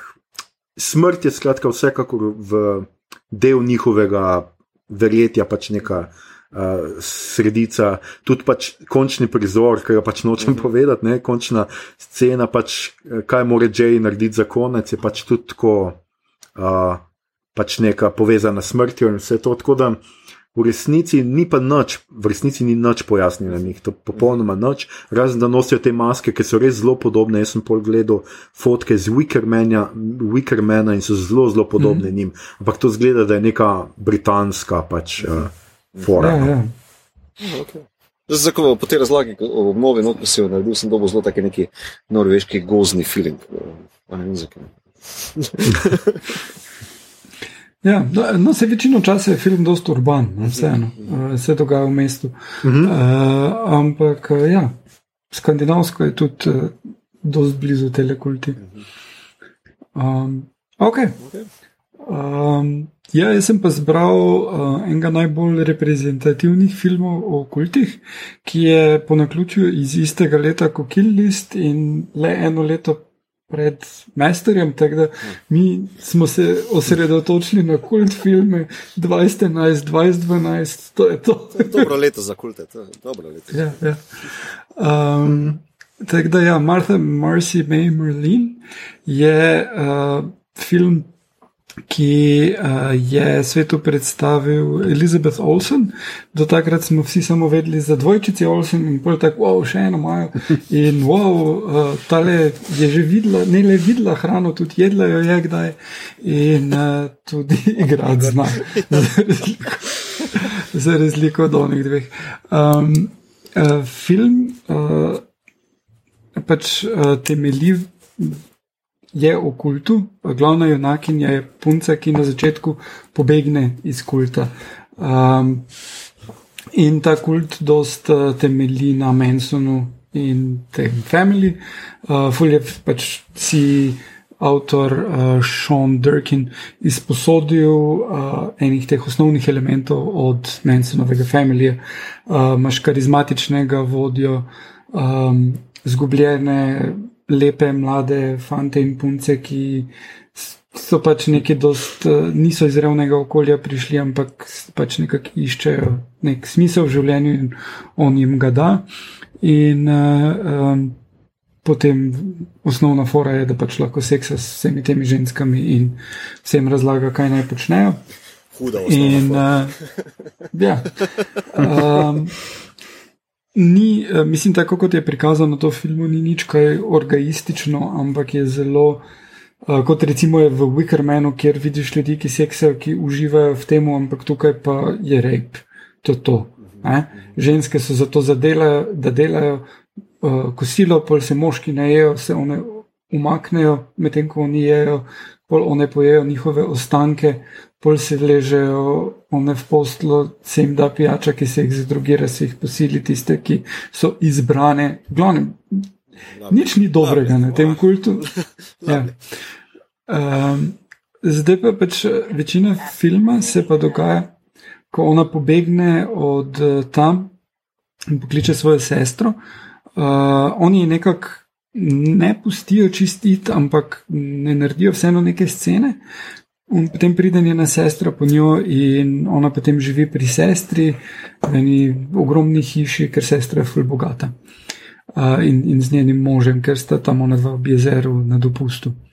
Uh, in se proba aklimatizirati, ampak prav zares ne, ima ful PST, da tudi ne pove, kaj se je dogajalo. Sestri samo reče, da je bila pri tipu dve leti, da se pač ni javila in zdaj se je skregala s tipom, ker je lagal. Ne elaborata, ne pove, da je bila v kultu in vsa njena čudna, bizarna obnašanja. Uh, ona dva sta čist šoku, ne vem, grejo se kopa dve zero, pa ona gre kar noge, no vsi, wow, star, kaj je s tabo, ne, kopalke, ne, uh, tu so otroci okrog, ne, do tako res bizarnih, kot to, da ne vem, ona dva seksata, ona se zbudi po noči in pride k njima v poslo, pa ona dva vam padeta, prečni pa se je full paca, poleg vaju, se v nej motle, sem nisem hotela biti sama. Ne? In uh, pač stvari eskalirajo, vmes pa ima ona. Uh, flashbacke na to, kak je bilo v tem kultu, um, in tega vodjo kulta igra John Hawks uh, v eni svojih res boljših vlog, on je, mislim, wow res hudno. Um, uh, in uh, potem pač so nekako sporednice s tem dogajanjem v sedanjosti, pa s tem v preteklosti, in zaključek je povsem odprt in šokanten, in pol si samo tak, uh, kaj se je zdaj zgodilo, ampak se konča. Zelo presenetljivo, na koncu že malo upočasni, pa malo ok, pol pa bum. Um, in je v redu, Aha. in se splača. Uh, torej, zakaj je to kao, res? Uh, jaz sem tudi videl par teh lestvic, je mm -hmm. stop neki neki. Zakaj je to number one? Bistvo je stvar v tem filmu, je krasno zložen skupaj. Uh, to, kako se dopolnjuje ta njen šok civilizacije in uh, uh, hkrati, kako je vpadala not v kult in kako je napredovala znotraj kulta in tako dalje. Uh, to je zelo lepo skupaj zloženo in igra je briljantna. Uh, Elizabeth Olsen mm, je super, uh, Sarah Paulson, ki igra njeno sestro, uh, res izjemna, kot zmeraj. John Hawks, pa mislim, da je to ena njegovih najboljših vlog, uh, poleg uh, uh, Winter's Bone. Uh, seveda. In uh, hmm. film je res lepo skupaj zložen ni tak film, da se boš bolj vredno počutil po njem, uh, ampak je, je bliže uh, masterju, aj gesno. Um, zelo slow burner, ampak uh, lepo, lepo, lepo zložen skupaj. Okay. Uh, in zato v bistvu no, okay. je tak na vrhu teh lestvic, poleg masterja, aj ges. Uh, in uh, si vsekakor zasluži ugledno. Uh -huh. Mislim, Ja, nujno. Aha, okay. um, jaz, jaz moram nadoknaditi tukaj malo. Meni je, bil, meni je ta žanr, ne prav, rečemo, kult horor, uh, rečemo temu, mm. da je žanr. No? Uh, sem ga se zelo, vedno malo ob strani držal, ga bremza. Tako sem imel nostop nek zadržek do tega, ker pač ok, horor, ne porbavljam pa še pol. Da, da se še neki, ne vem, kakšni, kakšni simboli inštalirajo, no, ter je še toliko hujše vse skupaj. um, ja. Uh, no, sej, uh, v bistvu uh, tukaj, ko imamo omembe vredne filme, uh -huh. mhm. je um, veliko več teh bolj klasičnih horor filmov, ki jih tukaj nismo kaj dost imeli, ne, teh nekih satanističnih, uh mhm. -huh. od Suspirije uh, do Rosemary's Baby, seveda, ne, uh -huh. uh, ki, uh -huh. ki sta nekako najbolj znana taka um, uh, uh, klasike. Uh mhm. -huh tega žanra, uh, do pač novejših hereditari, pa no, Children of the Corn, bolj smešnih tudi. Um, jaz sem ga videl v 8. razredu, meni ni takrat ni bil smešen. ja, jaz, jaz sem ga gledal, ko sem bil na faksu. Prav tako imaš eno idejo, da Linda Hamilton pa zna igrati tako iz Terminatorja. Pa to, pa, pa, gledaš to, tako ne, Linda Hamilton ne zna igrati. Ne, ne, ne. Vsi morajo nekje začeti. No. Mislim, ne moreš biti na koruzi. Oni otroci znajo bolj igrati. um.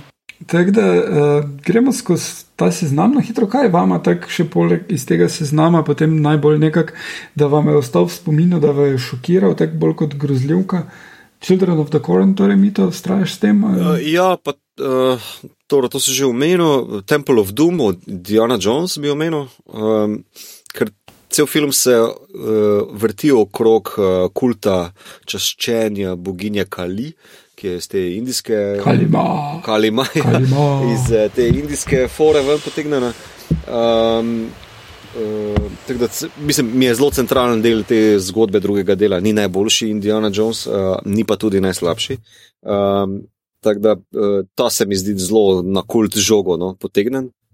Um, drugo pa kaj bi še bilo, ne vem. Vidva še kaj, da se zdaj ne. Kaj pa tebe, Ljoša, kateri te je tako prestrašil, šokiral, ko si bil otrok? No, se veš, da se jaz ne, pre, ne prestrašim tako hitro, ampak. Uh, uh, Meni je drugač bil pač Midsomar čisto v redu, ne pač tako zdaj v teh zadnjih. Um, um, zdaj malo sem že pozabil, ampak ja, Ice, Ice White Shot je tudi neke vrste kult, unika. Pač imajo te neke orgije, ja, nekaj se dogaja, ampak sem že malo pozabil. Kaj je tudi na spisku, pa se mi je zdelo, hmm? a je. A je. Škaj, jaz se ga ne spomnim, več, ne spomnim se toliko zdaj točno, tega pa nisem šel preverjati. Meni je to, da nimam pač eh, začetna zgodba se začne pač z eh, to njuno z, uh, intimno zgodbico, oziroma spominom, ki ga nekoliko Kidman možu pove, uh, in pol on zapade v spolno frustracijo in zaluta, on pade v ta, ne vem, kot nek bumbar, no, ki je pošto napačno mm. dostavil v ta kult, pa potem ga takoj kiknejo ven in mi je samo tako. Vse vem, folk se ful pogovarja pri tem filmu. Ja, vidiš te maske, pa ta kripi, romunska glasba, ortodoksna, pa bla bla. Meni film sploh ni o tem, ne. Um, nikoli mi ni bil na kao, pač ta zgodba. Ne, se, ne, se ni, sem pač. Se pa pojavi na otak, no, v končni fazi. In, ja. Najbolj pa v teh, pa v resnici meni tudi, jaz moram reči, da Rosemary z Baby je meni eden pač tako ljubših grozljivk, oziroma m, mm, tako filmih, čeprav tudi nima toliko grozljivih tudi je tako ena bolj taka grozljivka, ki lahko do tri četrt gledaš, pa je čudna, ni pa grozljiva. Resnica pa pride tisti končni prizor, si sam tako totalno napsihiran. In, um, ne, se mi zdi pač tudi tako. Drugič pa. Um, Potem se znamo, ker sem šel malo preveriti, v resnici jaz nisem tok tega gledal, no, v resnici. A, nekih teh Holy Smog, vem, da je bil tudi zelo pogosto visoko na, na lestvici za Kate Winslet, a si ti Igor to gledal? Uh, ne, Holy Smoke pa nisem uspel pogledati nikoli. Uh, pa mi je režiserka drugače zelo všeč, uh, tale Nova Zelandčanka, mm -hmm. uh, ki sem zdaj pozabil ime, ampak uh, tega filma pa nisem uspel videti. Ne. Uh, bil je 99. zunaj, ko sem še moral plačevati za kinokarte, in tega leta je bilo res ogromno dobrih filmov, plus Phantom Menace. ja. Si pa ti, Igor, verjetno gledal The Unbreakable Kimi Schmidt. Ja, pogledal sem vse sezone Hood Fansem, uh, odlična uh, zadeva, ampak če še lahko Rosemary's Baby se malo vrnem. Ne? To je film o kultu. Mm. Meni se je ta del, ko sem gledal film, zdel smešen. Zato, ker te člani kulta so stari in betežni in zelo teatralno odigrajo ne? in so mi najbolj neprepričljivi, ampak gre za uh, film, je posnet po romanu Ire Levina. In uh, tako kot njegove, vse njegove zgodbe, ne? tudi Stepfordske žene, še najbolj, uh, gre za, ne gre za, za grozljivko nadnaravnega, ampak za, za grozljivko vsakdana. Zato, kako smo mhm. ujeti v tej družbi in je pač vse zelo simbolno. Uh, Rosemary ni glavna zgodba filma, da jo ujame satanistični kult, ki hoče, da ona rodi uh, no, antikrista, ampak je zgodba, da Rosemary je ujeta v zakon, kjer je prisiljena rojevati, ker jo mož v to sili, da nima možnosti svoje usode kovat in iz tega jo celotna družba, celotna okolica jo sili v to vlogo žene in matere in uh, to. In isto je pri Stepfordskih ženah zelo podobna zgodba. Uh, in uh, Ira Levin je, je bil res uh, fenomenalen pisatelj, uh, ki je znal znotraj žanrskih del ta sporočila zelo, zelo dobro uh, prenesti. Uh, in priporočam uh, v bistvu tudi druge stvari, ki jih je napisal. Uh, tudi Stepfordske žene, obe verziji, ta druga je zelo smešna, uh, ampak še vedno ima uh, sporočilo, uh, Nikol Kidman tudi igra, pa Boys from Brazil, ki je tudi uh, zelo briljantna uh, zgodba o poskusih kloniranja. Kaj pa kakšna zgodba, knjiga ali pa film uh, o pozitivnem kultu? Ker kult sam per se ni negativen, ne? kao negativno, kar počne. Naprimer, imaš pa lahko Ja. pozitivno varianto. Ne vem, ima ta kakšno idejo. Uh, ja, v bistvu pozitiven kult uh, je um, tele uh, anonimni alkoholiki. Uh -huh. okay. Mislim, tako če pogledaš, lahko na to Ok. okay. gledaš kot na kult. Uh -huh. Uh, tudi je dosti versko pogosto obarvan, ampak oni se tam dobivajo in mm. Častijo ne pitje. Mm -hmm. In s- dobijo nagrade, Ja, ja, tiste ja. neke žetone res, za ja. določene dneve in to vse. In ima pozitiven vpliv na družbo. cool. Kaj pa Amiši? Vsak film o Amišu je nekako tak pozitivca. Ni? Je, to je zato, ker jih hočemo tako gledati. Ne. Pa ni čist res, ne. obstaja zelo, um, zelo kul cool serija, uh, kateri so tudi Amiši notke, že um, da se ne spomnim naslova, uh, na HBO je tudi bila. Um, kjer so Amiši drug dealeri in oni pač uporabljajo to družbo zato, da so skriti pred uh, tem, kaj drugače delajo, in uh, so zelo nevarni in morilci in tako dalje. ne. Uh, zdaj, gledaj, dejansko so toliko zaprta in relativno dolgočasna sekta z te naše Ej, perspektive. malo. ne, Kaj ker- pa narobe, kaj pa tako dolgočasnega pri delanju sirotke, no, da levate, prosim. Ja. Kaj pa, pri, mislim, kaj pa to, da so njihove ženske oblečene kot dekle iz dekle se zgodbe? vem, a se vem, Šala, šala. Um, ej, Čakajte, čakajte malo. A Ve, največji problem z Amišem je, ker nimajo podcasta. lepo ja, ok. Pa zakaj sploh omenjamo? Vse ne dobimo, nobenih Ja. royalties. Um, Čisto No, drugega. sploh. uh, Um, Ej, kaj pa, evo, Torej. evo, ena ideja. A bi lahko Truman Show gledali kot zgodbo o pozitivnem kultu? kaj bi bilo pa pozitivnega pri Torej, k- k- Ja, in kultne. Ne, dajmo, dajmo to malo razviti, mogoče to sem se zdaj spomnil. Ajde, da vidimo, kako bo šlo skozi. Ker prej smo nekako probali definirati, kaj kult je ne, na začetku ne, naše epizode. Torej, nucaš uh, vernike, nucaš vodja, pa mogoče še celo nekega nadvodja, kot v The Master je žena, ne, tudi nadvodja. In se mi zdi, da v Truman Showu to pride ful ni- ni skupaj. Pač imaš uh, full folka, ki gleda redno, skoraj religiozno vsak dan njegov šov, non-stop se predvaja, uh, obešeni so na vsako njegovo besedo. Uh, Trumana pa dejansko lahko opazujemo, kako pride do razsvetljenja in se rešijo okov kulta. Ne vem, a bi to može da prože? Zanimiv pogled na to. Ja. To, Tako si to razumel. je zelo metaforično. ampak Ja. No, ja, sem se rekel, kao, če zatisnemo en učaj. Um, aha, no, če, če še Kimi omenim, da je zelo zanimiva, uh, zato ker je zgodba o ženski, ki. Ženskah, ki jih rešijo iz kulta, in one so bile zaprte od 90-ih, ta Kimi je bila najstnica, ki jo je en tip z avtom pobral in jo zaprl v kult. In potem, ko pride ven, se odloči, da bo šla živeti v New York. In potem je pač osnova serije, je serija komedije, je pač ta njen culture shock, ker je vse toliko drugače. Um, in potem ona najprej represira te spomine na kult, pa potem pridejo skozi in jih uspe serija na zelo kul cool način, uh, brez da bi se norčevala iz tega, pač uh, nekako analizirati in sprocesirati. Uh, je pa ta cel kult vseeno full smešen, ker pač uh, je to en tip, ki je ugrabil te štiri ali pet žensk in jim je razložil, da je zunaj, bil da je zunaj konec sveta in da ne smejo ven. Ne?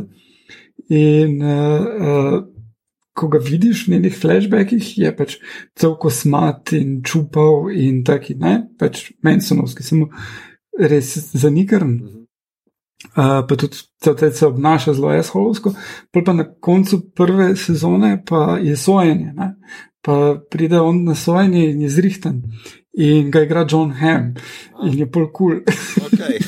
In pol proba on splirati, gled, jaz sem tako kul, cool, zakaj bi jaz moral ugrabiti te ženske in to celo sceno. Ne? Uh, zelo, zelo, dosta takih brihtnih uh, jokov je not. Uh, uh, tako da, ja, uh, ful dobr humor, ful zanimivo, kako komentira sodobno družbo skozi to, pa uh, zelo vredno odigrano.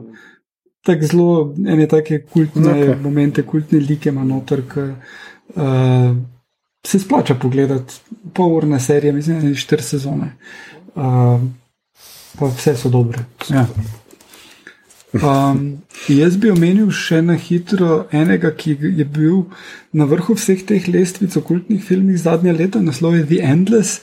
Uh, in dejansko bom ne spoilal, ampak ni čist prav kult scena, je pa zanimivo narejen, zelo low budget indie film. Uh, o dveh bratih, ki sta pobegla iz kulta, ko sta bila froce, zdaj pa deset let kasneje, sta pač ful nezadovoljna z lifeom, pa greta nazaj pogledat, kak je tam. In uh, je weird, sci-fi Okay. film je. Uh, bolj sci-fi kot horror. Pa, uh, to. uh, in Arlington Road, ki se pa nanaša na našo osnovno temo, ker gre za politiko. Um, Arlington Road, mislim, da je skrivnost ulice Arlington, je pa film iz 99. v katerem igrata um, Jeff Bridges pa uh, Tim Robbins. In uh, Jeff Bridges je profesor, ki preučuje teroristične napade, in potem ima tega soseda, uh, ki ga igra Tim Robbins, in se mu zdi, da je nekaj off glede tega soseda. In potem um, je film dosti zapletena ta zgodba, in izkaže se, da uh, Robinsov lik ima um, teroristično celico, ki je v osnovi tudi kult, a ne? in uh, na zelo, zelo pretkan način izvaja napade, in uh, se splača pogledati samo zaradi tega, what the fuck na koncu momenta. Uh, in uh, res dobro. Dober film, priporočam. Ful. Ok. Pa mislim, Bridges pa Robbins, obvisli. Ja. Definitely sell. Definitely sell. Ja. Um, Ja. super, super. Kar dobri. Okay. Ej, a, Okej. Čakaj, Um. um, samo ena stvar še. A, a potem takem 1984, kult ali nad kult? Malo boring. a ne? okay. Um, mislim, to pa je že totalitarni režim, temu ne moreš več reči kult, ne? to je že mainstream. Ne, to je kult, ki ima uspeh. Mm. Ja, Dobesedno. ja. okay. No, dobro, vse samo tako hiter tek. No. Evo, ajde. Skratka, to je bilo to o kultih. Uh, jaz mislim, da smo bili zelo izčrpni. Tri filme, ki smo, ki smo vam jih zelo uh, natančneje predstavili, si vsekakor pogledajte, eh, ker jih mi vsi priporočamo, pa hkrati smo še vam našteli cel kup filmov, ki se jih splača pogledati. Uh, in smo že pri naši najljubši rubriki, posebej v izolaciji, kjer ogromno pogledamo, poslušamo in preberemo. To je rubrika, kaj ste gledali, poslušali, ne kaj ste gledali, prebrali, poslušali. In uh, tako kot vedno imate, uh, uh, kako je že tisto prim, primordialno pravico, Igor. Uh, primordialno. Ne, se ni primordialna, primarna, nekaj, ta Prima pravica noctis. grofa do. Prima noktis. Ja, je prima noktis, to sem, to sem mislil. Uh, torej, ja, jaz sem dokončal, Led, ja, uh, dokončal sem knjigo Budapest Noir, uh, pač v teh časih se pripravljamo na, na mačarsko. Sprejemanje mačarske kulture. uh, hecam se, uh, v bistvu sem zvedel za knjigo, uh, ki uh, sem prevajalce spoznal, ki je šla takrat kot Jum in uh, gre za uh, zelo dober prevod uh, knjige Ištvanda Kon. Kondorja. Um, prvo v seriji ne vem, petih ali nekaj takega, žal je edina v slovenščini. Tako da, če ne znate mačarsko, ostane pri tem. Uh, gre se pa za zgodbo, postavljeno v Budimpeštu leta 30, začetku 30-ih, sredi 30-ih. Uh, skratka, pripravlja se vse skupaj na nacizem, že celotno dogajanje, in um, glavni junak je novinar časopisa, ki se mu reče večer. Tako da to se meni ni bilo tako težko poistovetiti, ker jaz sem tudi prevečer začel svojo kariero. Uh, ja, ne tem istem, ampak ja. Uh, ki pač črnokronik uh, piše, kar sem tudi jaz. Um, skratka, pol pa se pač podobnosti končajo. Uh, najde uh, v pisarni, se znajde v pisarni načelnika policije in ugotovi, da je en predal odklenjen in pošpega in vidi not golo sliko enega dekleta. In eno še isto noč ga pokličajo, da je bil umor. In umor je bil točno tega dekleta, in polon začne raziskovati, kaj je. Policija vse skupaj se pretvarja, samo neka prostitutka je bila, uh, judovska, on pa pač vrta in vrta in polka pretepe in vrta in vrta dalje. Uh, in na koncu uh, nimaš prav za res ideje, kako se bo končalo. Dokler ni tako ono, bum, bum, bum, in si čist šoku, kaj ta lik je naredil to, in potem, ko malo razmišljaš o njemu, ne, temu glavnemu enako ugotoviš, da to, kako on zaključi celo zgodbo, je povsem konsistentno z njim in da je one badass motherfucker, ne glede na to, kar vse si v bistvu prebral. Zelo, zelo impresivno. Kar pa je uh, malo problematično pri tem, pa je, da pisatelj uh, te res skuša potopiti v Budimpešto sredi 1930-ih in on, ko potuje od ene ulice do druge ulice, so ti vse ulice in potem je šel stran vajo po tej ulici in zavel po tej ulici in tako dalje. Vsa ta imena mačarskih ulic, ki so dan danes zagotovo spremenjena, ki tako res nič ne povejo, ne, zasedajo veliko prostora. Ampak ti pa vseeno res dajo ta avtentičen občutek uh, Budimpešte, enega tega mesta, ki je hkrati metropola, pa kmetija. Ne? Kar vsi, ki živimo v Ljubljani, imamo tudi dan danes eno to. Sporednice, sploh nimamo tramvajev, ki jih imamo. Um, je, uh, je pa zelo zanimivo tudi iz tega uh, zgodovinskega momenta in kulturnega, podobno kot uh, serija Babylon Berlin. Uh, vidiš razvrat mesta in vse, kaj se dogaja, in kako nacizem začenja vplivati na to. Uh, recimo, vmes smo eno, da v časopisih uh, objavljajo uh, uspešni judovski trgovci, ki pač si lahko to privoščijo, da so si spremenili ime iz ne vem, karkoli judovskega v nekaj povsem mačarskega in uh, zdaj bojo in so prevzeli kristjansko vero in se ne grejo več tega, da so ljudje. In ful tega uh, je noter, um, ulice se preimenujejo, trg Adolfa Hitlerja, Maja. Uh, in, in hkrati tudi to, da ta glavni junak preko pogovorov z drugimi vidi, kako oni to sprejemajo. Da je pa vsaj so stvari malo bolj pod kontrolo, tudi če pač se zdaj tu reče Hitlerjeva ulica in tudi če smo zdaj tako rekoč furamo že fašizem in tudi če pač moramo žide nagnati, kdo jih pa te sploh mara. Uh, zelo, zelo dober pogled v to in hkrati odlična kriminalka. Mislim, kar se tega skrivnosti tiče, kdo je bil, zakaj je bil, full vredno narejeno, zelo drži, pol pač se razkrije ta rezultat in potem pač še njegov comeback na to in moram reči, da full ful priporočam knjigo, je tudi v akciji pri založbi Didakta, mislim, da samo 5 evrov stane in uh, vsekakor okay, odlično. Cool. Super zadeva. Obstaja tudi film, mi to, to vem, da boš ti znal oceniti. Jaz ga še nisem uspel pogledati, film je iz 2017 uh, in uh, um, ga imam v planu pogledati, bom naslednji teden poročal, kak je. Ja, razen če te, okay. te prehitim. No, super.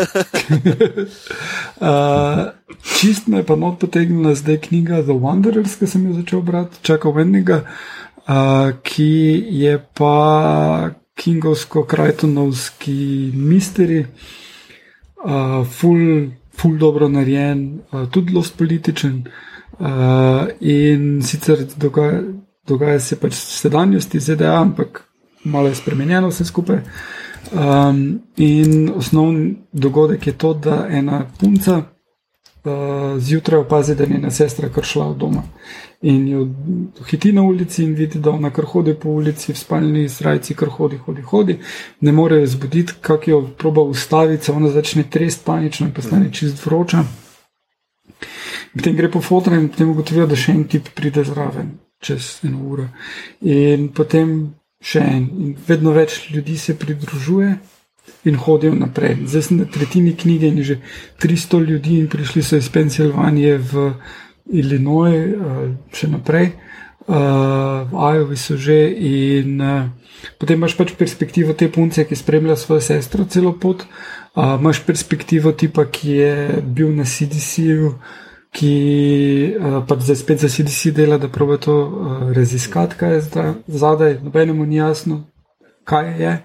Uh, imaš perspektivo enega uh, župnika, ki pridiga, da so to The Devil's Pilgrims konc sveta se bliža, imaš nacije, ki menijo, da ti mm. ljudi treba pobiti, imaš politike, ki se kregajo. Um, Čisto temporirano. Predsednico ZDA. Predsednico ZDA, ki deluje zelo Hillary-like, pa kandidata, ki je Trump, bolj ali manj, no. samo da ima drugače ime. Um, zelo vredno celo to politično situacijo opiše, zelo dober jezik ima, zelo zanimive like. Um, Tako da moram reči, da, da me je čisto potegnila zelo debela bukva, ja, ampak eh, se bere izjemno hitro. Pa, koliko vem, ni, ni filma. um, čuje, čuje se dobro, ki pa je lahko dobim? Uh, na jesenu na Kindlu kupa. Ampak ne bereš? Uh, ja. ja, ni. Naš, ne, naši žalozniki. Uh, knjiga je knjiga je uh, od lani poleti mhm. prišla, knjiga, mm. zdaj prvič, da je bila na nekem popustu in sem jo kupil, ker je bila 4 dolarje. Uh, drugač pa sem ravno kar pred snemanjem pogledal prvi del serije Run. Na HBO in je super zabavna serija, je naredila uh, ena od avtoric serije, je Phoebe Waller Bridge, ki je delala Fleabag, in uh, tudi Killing Eve, in tu je štorija, da ena ženska uh, dobi message od svojega bivšega tipa, 15 let bivšega, run, in ona dva sta bila zmenjena, da če to, in on piše run nazaj in pobegnete od familije, ki jih imate, life, ki jih imate. Mm. In sta na vlaku, in zdaj bomo zvedeli, kaj jo je spodbudilo, spodbudilo k temu, in kaj se dogaja. Je pa on motivacijski govornik, igra ga kar je blizu kot leader, ne mhm. obvisni. Oh, uh, dobro, se ga. Igra ga pa Dom Hal Glisn uh, in je super. Uh, in prav zgleda, da res uživa, da končno lahko govori irsko in ne rabi spet angliško govoriti. Kar po mojem, ste morali malo glaviti. Skoraj vedno igra angliže. Mm. Dobro, pojete. Take the, yeah, take it away. Za, za Irce je to kar problem. Je. Uh, Mito, kaj si ti pogledal, prebral, poslušal? Um, nič kaj preč. Uh, jaz lahko samo priporočam uh, Miracle Workers drugo sezono, ki sem na koncu pogledal in je tako lušna, zabavna, anahronistična serija na HBO-ju. Uh, zdaj že v drugi sezoni. Uh, ni zgodbe za tem, pač liki so vrženi v nek čuden koktejl. Uh, nepovezanih dogodkov, uh, na koncu pride do okupacije gradu in pobeg in that's it. Daniel Radcliffe je full zabaven, Steve Buscemi zopet igra. Uh, skratka, tak lep, ne pretenciozen, easy humor. Če se češ nasmejati samo tako za 20 minut, uh, it's as simple as it gets. Uh, pa priporočam spletno stran skeptiki.si, uh, kjer se lahko podučite o različnih uh, cepivih. Uh, and that's it. Krasno priporočilo, res. Kak, kak, si, kak si vpadel v to? Veš, kak je bilo? Uh, zdaj, ne bom zdaj z imeni začel, ampak pač uh, par uh, folka se v mojem Facebook balončku pojavilo, uh, ki so v očitno teh časih malo um, bolj pod pritiskom z določenimi zadevami, da so se začeli uh, potem uh mhm. -huh. pojavljati v mojem balončku, kako pa je to, kako pa je to in se pač. Pač mi preveč cajt, pa sem si danes vzel čas za njih in sem z enimi, tremi, štirimi naenkrat uh, uh, opravljal, debatiral. Um, niti ne prepričoval, samo pač sem bil jaz, tisti moj skoliran, jaz sem del. Špasno, mislim, marsikomu se zdi tako, makva zapravljati sajt, pa nekaj ljudi, no meni sploh ni bilo. Čisto na izi, tako malo piliš svoje logično-argumentativne uh, uh, fakultete, uh, malo jezik, pa ni, nik, nikoli nočem biti nesramen, nikoli nočem biti ad hominem, uh, nočem žaliti. Uh, tako da je lepa vaja v tem, kako se učiti argumentativne debate. Ja. Priporočam. zelo, zelo dobro razloženo. In, in tudi v redu, tako. Dober projekt. Ja, jaz vsakemu priporočam, če imaš nekaj, kar želiš, eh, ne prepričati koga drugega, samo pač vklopi se v debato, pa si pomisliš, ajde, vse je to, če kako že rečejo. Mi smo v demokratični družbi, vsa mnenja štejejo. Ok, daj mi tvoje mnenje, gremo. to je projekt. Uh -huh. ja. Projekti so pomembni. Projekti in hobi, mi to. Ja. To je to.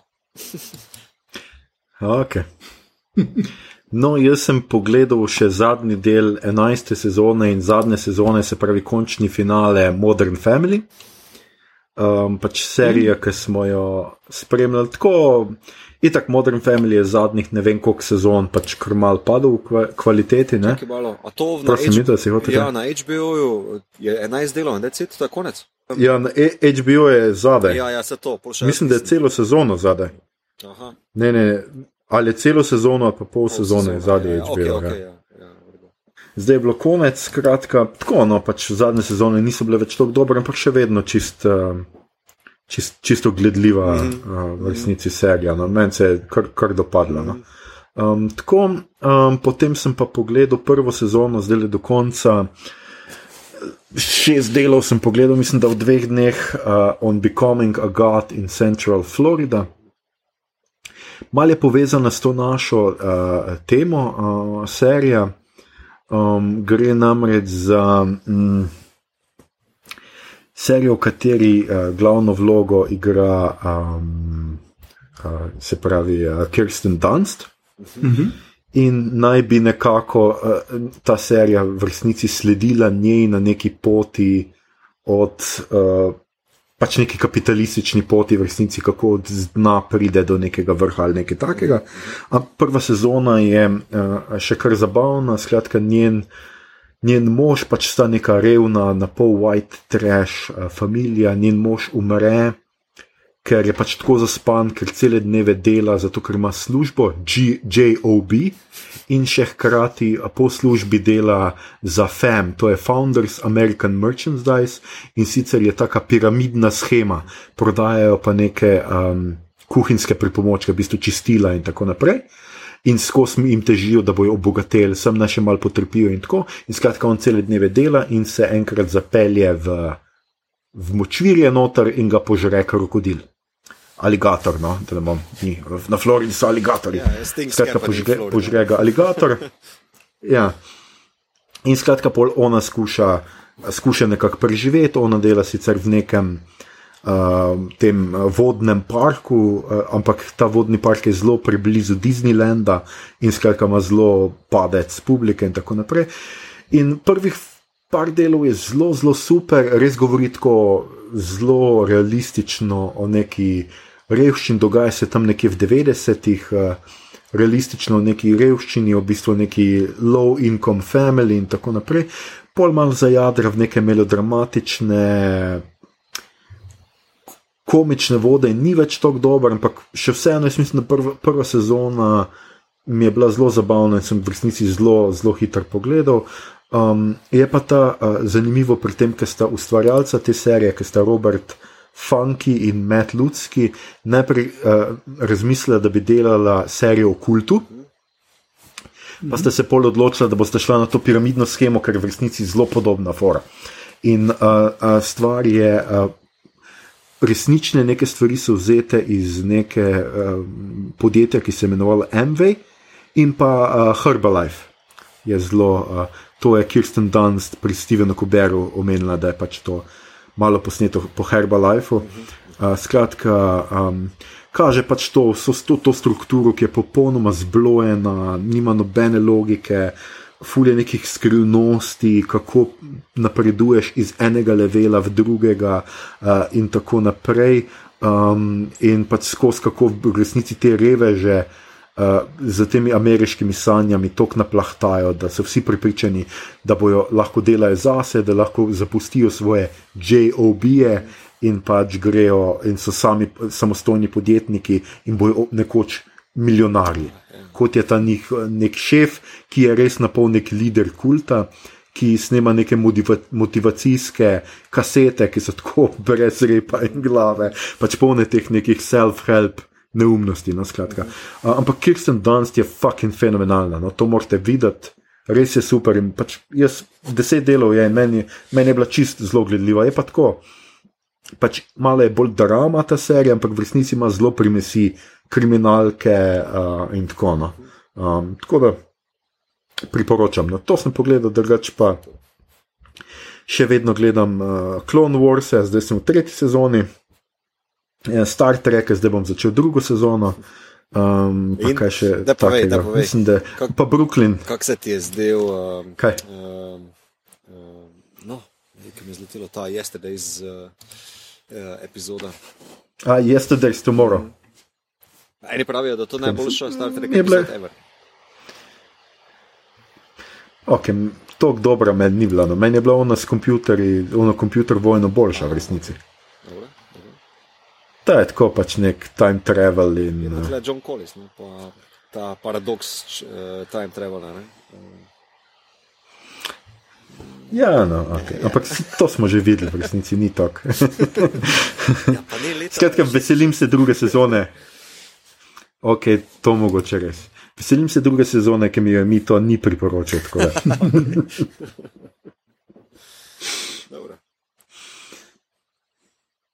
to je to? to. Še kdo kaj? Um, ja, še ena stvar. Uh, nedavno so začeli krožiti govorice, da je Jared Leto, torej nedavni Joker, ima uh, kult. Uh, sploh, ker ima neke scene z This is not a cult.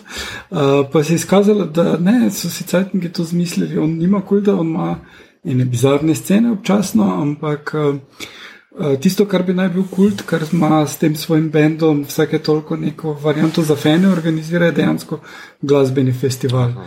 kjer pride še drugi bendi špilat.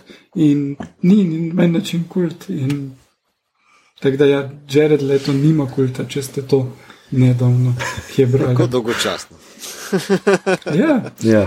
Jaz sem tudi več pričakoval od Jareda leta. ja. Nič mu ne rata, še joker ni več, res, res zelo žalostno. tu so. ja.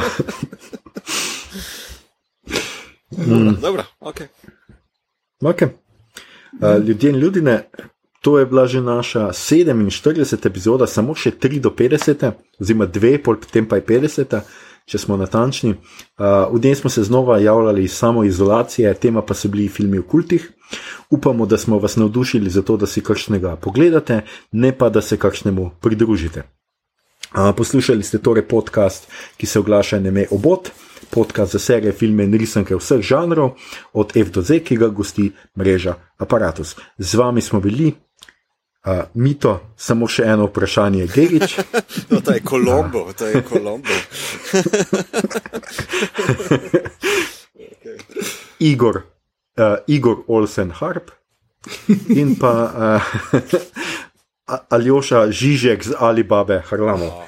Um, tole, tole epizodo smo posneli prek Facebook četa od doma, hvala torej vsem našim bližnjim sosedom, ki smo vas držali po konci z našim blebetanjem, ker ste z nami, eh, pa tudi bližnjim, seveda, ker ste z nami gledali omenjene filme, eh, ne cenimo vas dovolj. Eh, v tokratni rubriki izbira oziroma vprašanje, kdo bi moral biti karizmatični vodja, da bi se vidva pridružila njegovemu kultu.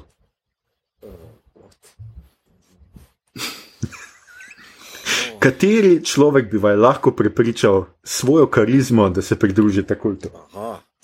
A mora biti živ, mrtev? Da, lahko je mrtev. Ne, jaz bom rekel, da ni več. Napoleon. Kaj ni več? Napoleon. Ja, Napoleon. Tak, majhen, Hočem reči, da če je mrtev, ni, ni več karizmatičen. Čar artilerija, pa vrat se po popku šlo. Evo, that's my son.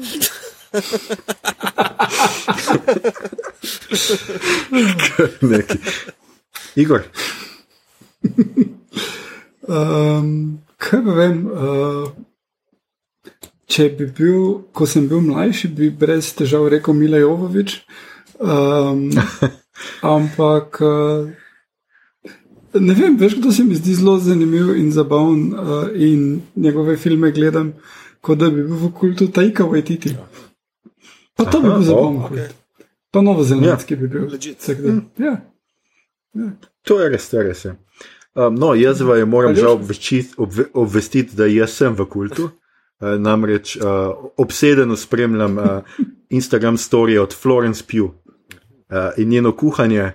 In jaz moram priznati, da pač čestim Florence Pugh, ne vem, kakšno je njeno kuhanje, ampak po tistem, kako izgleda, pa kaj on, ko ona je zraven, zgleda fenomenalno dobro. no. Pixar great. Um, in, um, ja, in, in, in preden bo ta samoizolacija mimo, bom, sem se odločil, da bom pogledal vse filme, v katerih je igrala kolikor toliko pomembno vlogo. No, Kju, da, kju, kju. To je pravi vernik. kaj, prosim? Uh, poglej serijo. Pa, Uh, uh, pa Little Drummer Girl. Ja, Uh, Ja. ja. absolutno. Definitivno. Um, skratka, če vam je bilo všeč, kar ste slišali in kako vam ne bi bilo, uh, šerajte, lajkajte naš podcast, naročite se nam preko vašega najljubšega apa oziroma ponudnika podkastov, še vedno toplo priporočamo Castbox, dajte nam kakšno oceno na iTunesih, podprite platformo aparatu z odli- odličnim izborom podkastov za vsakega. In če ste slučajno pripadniki vladnega kulta, pozabite, da smo v prejšnjih epizodah govorili, kje nas lahko najdete, oziroma odkot snemamo tole. Hvala. Uh, na Twitterju nas najdete kot adpodcastobot, na Facebooku smo kot podcast s KM, obot brez pikicu mes, tako je tudi na Instagramu, tam delimo rajcere, prikolice in druge zanimivosti in tja lahko usmerite vprašanja, pripombe, komentarje, religiozne in apokrifne tekste, predloge, kaj bi za vas pogledali naslednjič, sicer se pa slišimo spet k malu. Mi smo še vedno odločeni, da bomo, dokler te izredne razmere ne minejo, z vami vsak teden. Če nam to uspe, boste videli že čez en teden.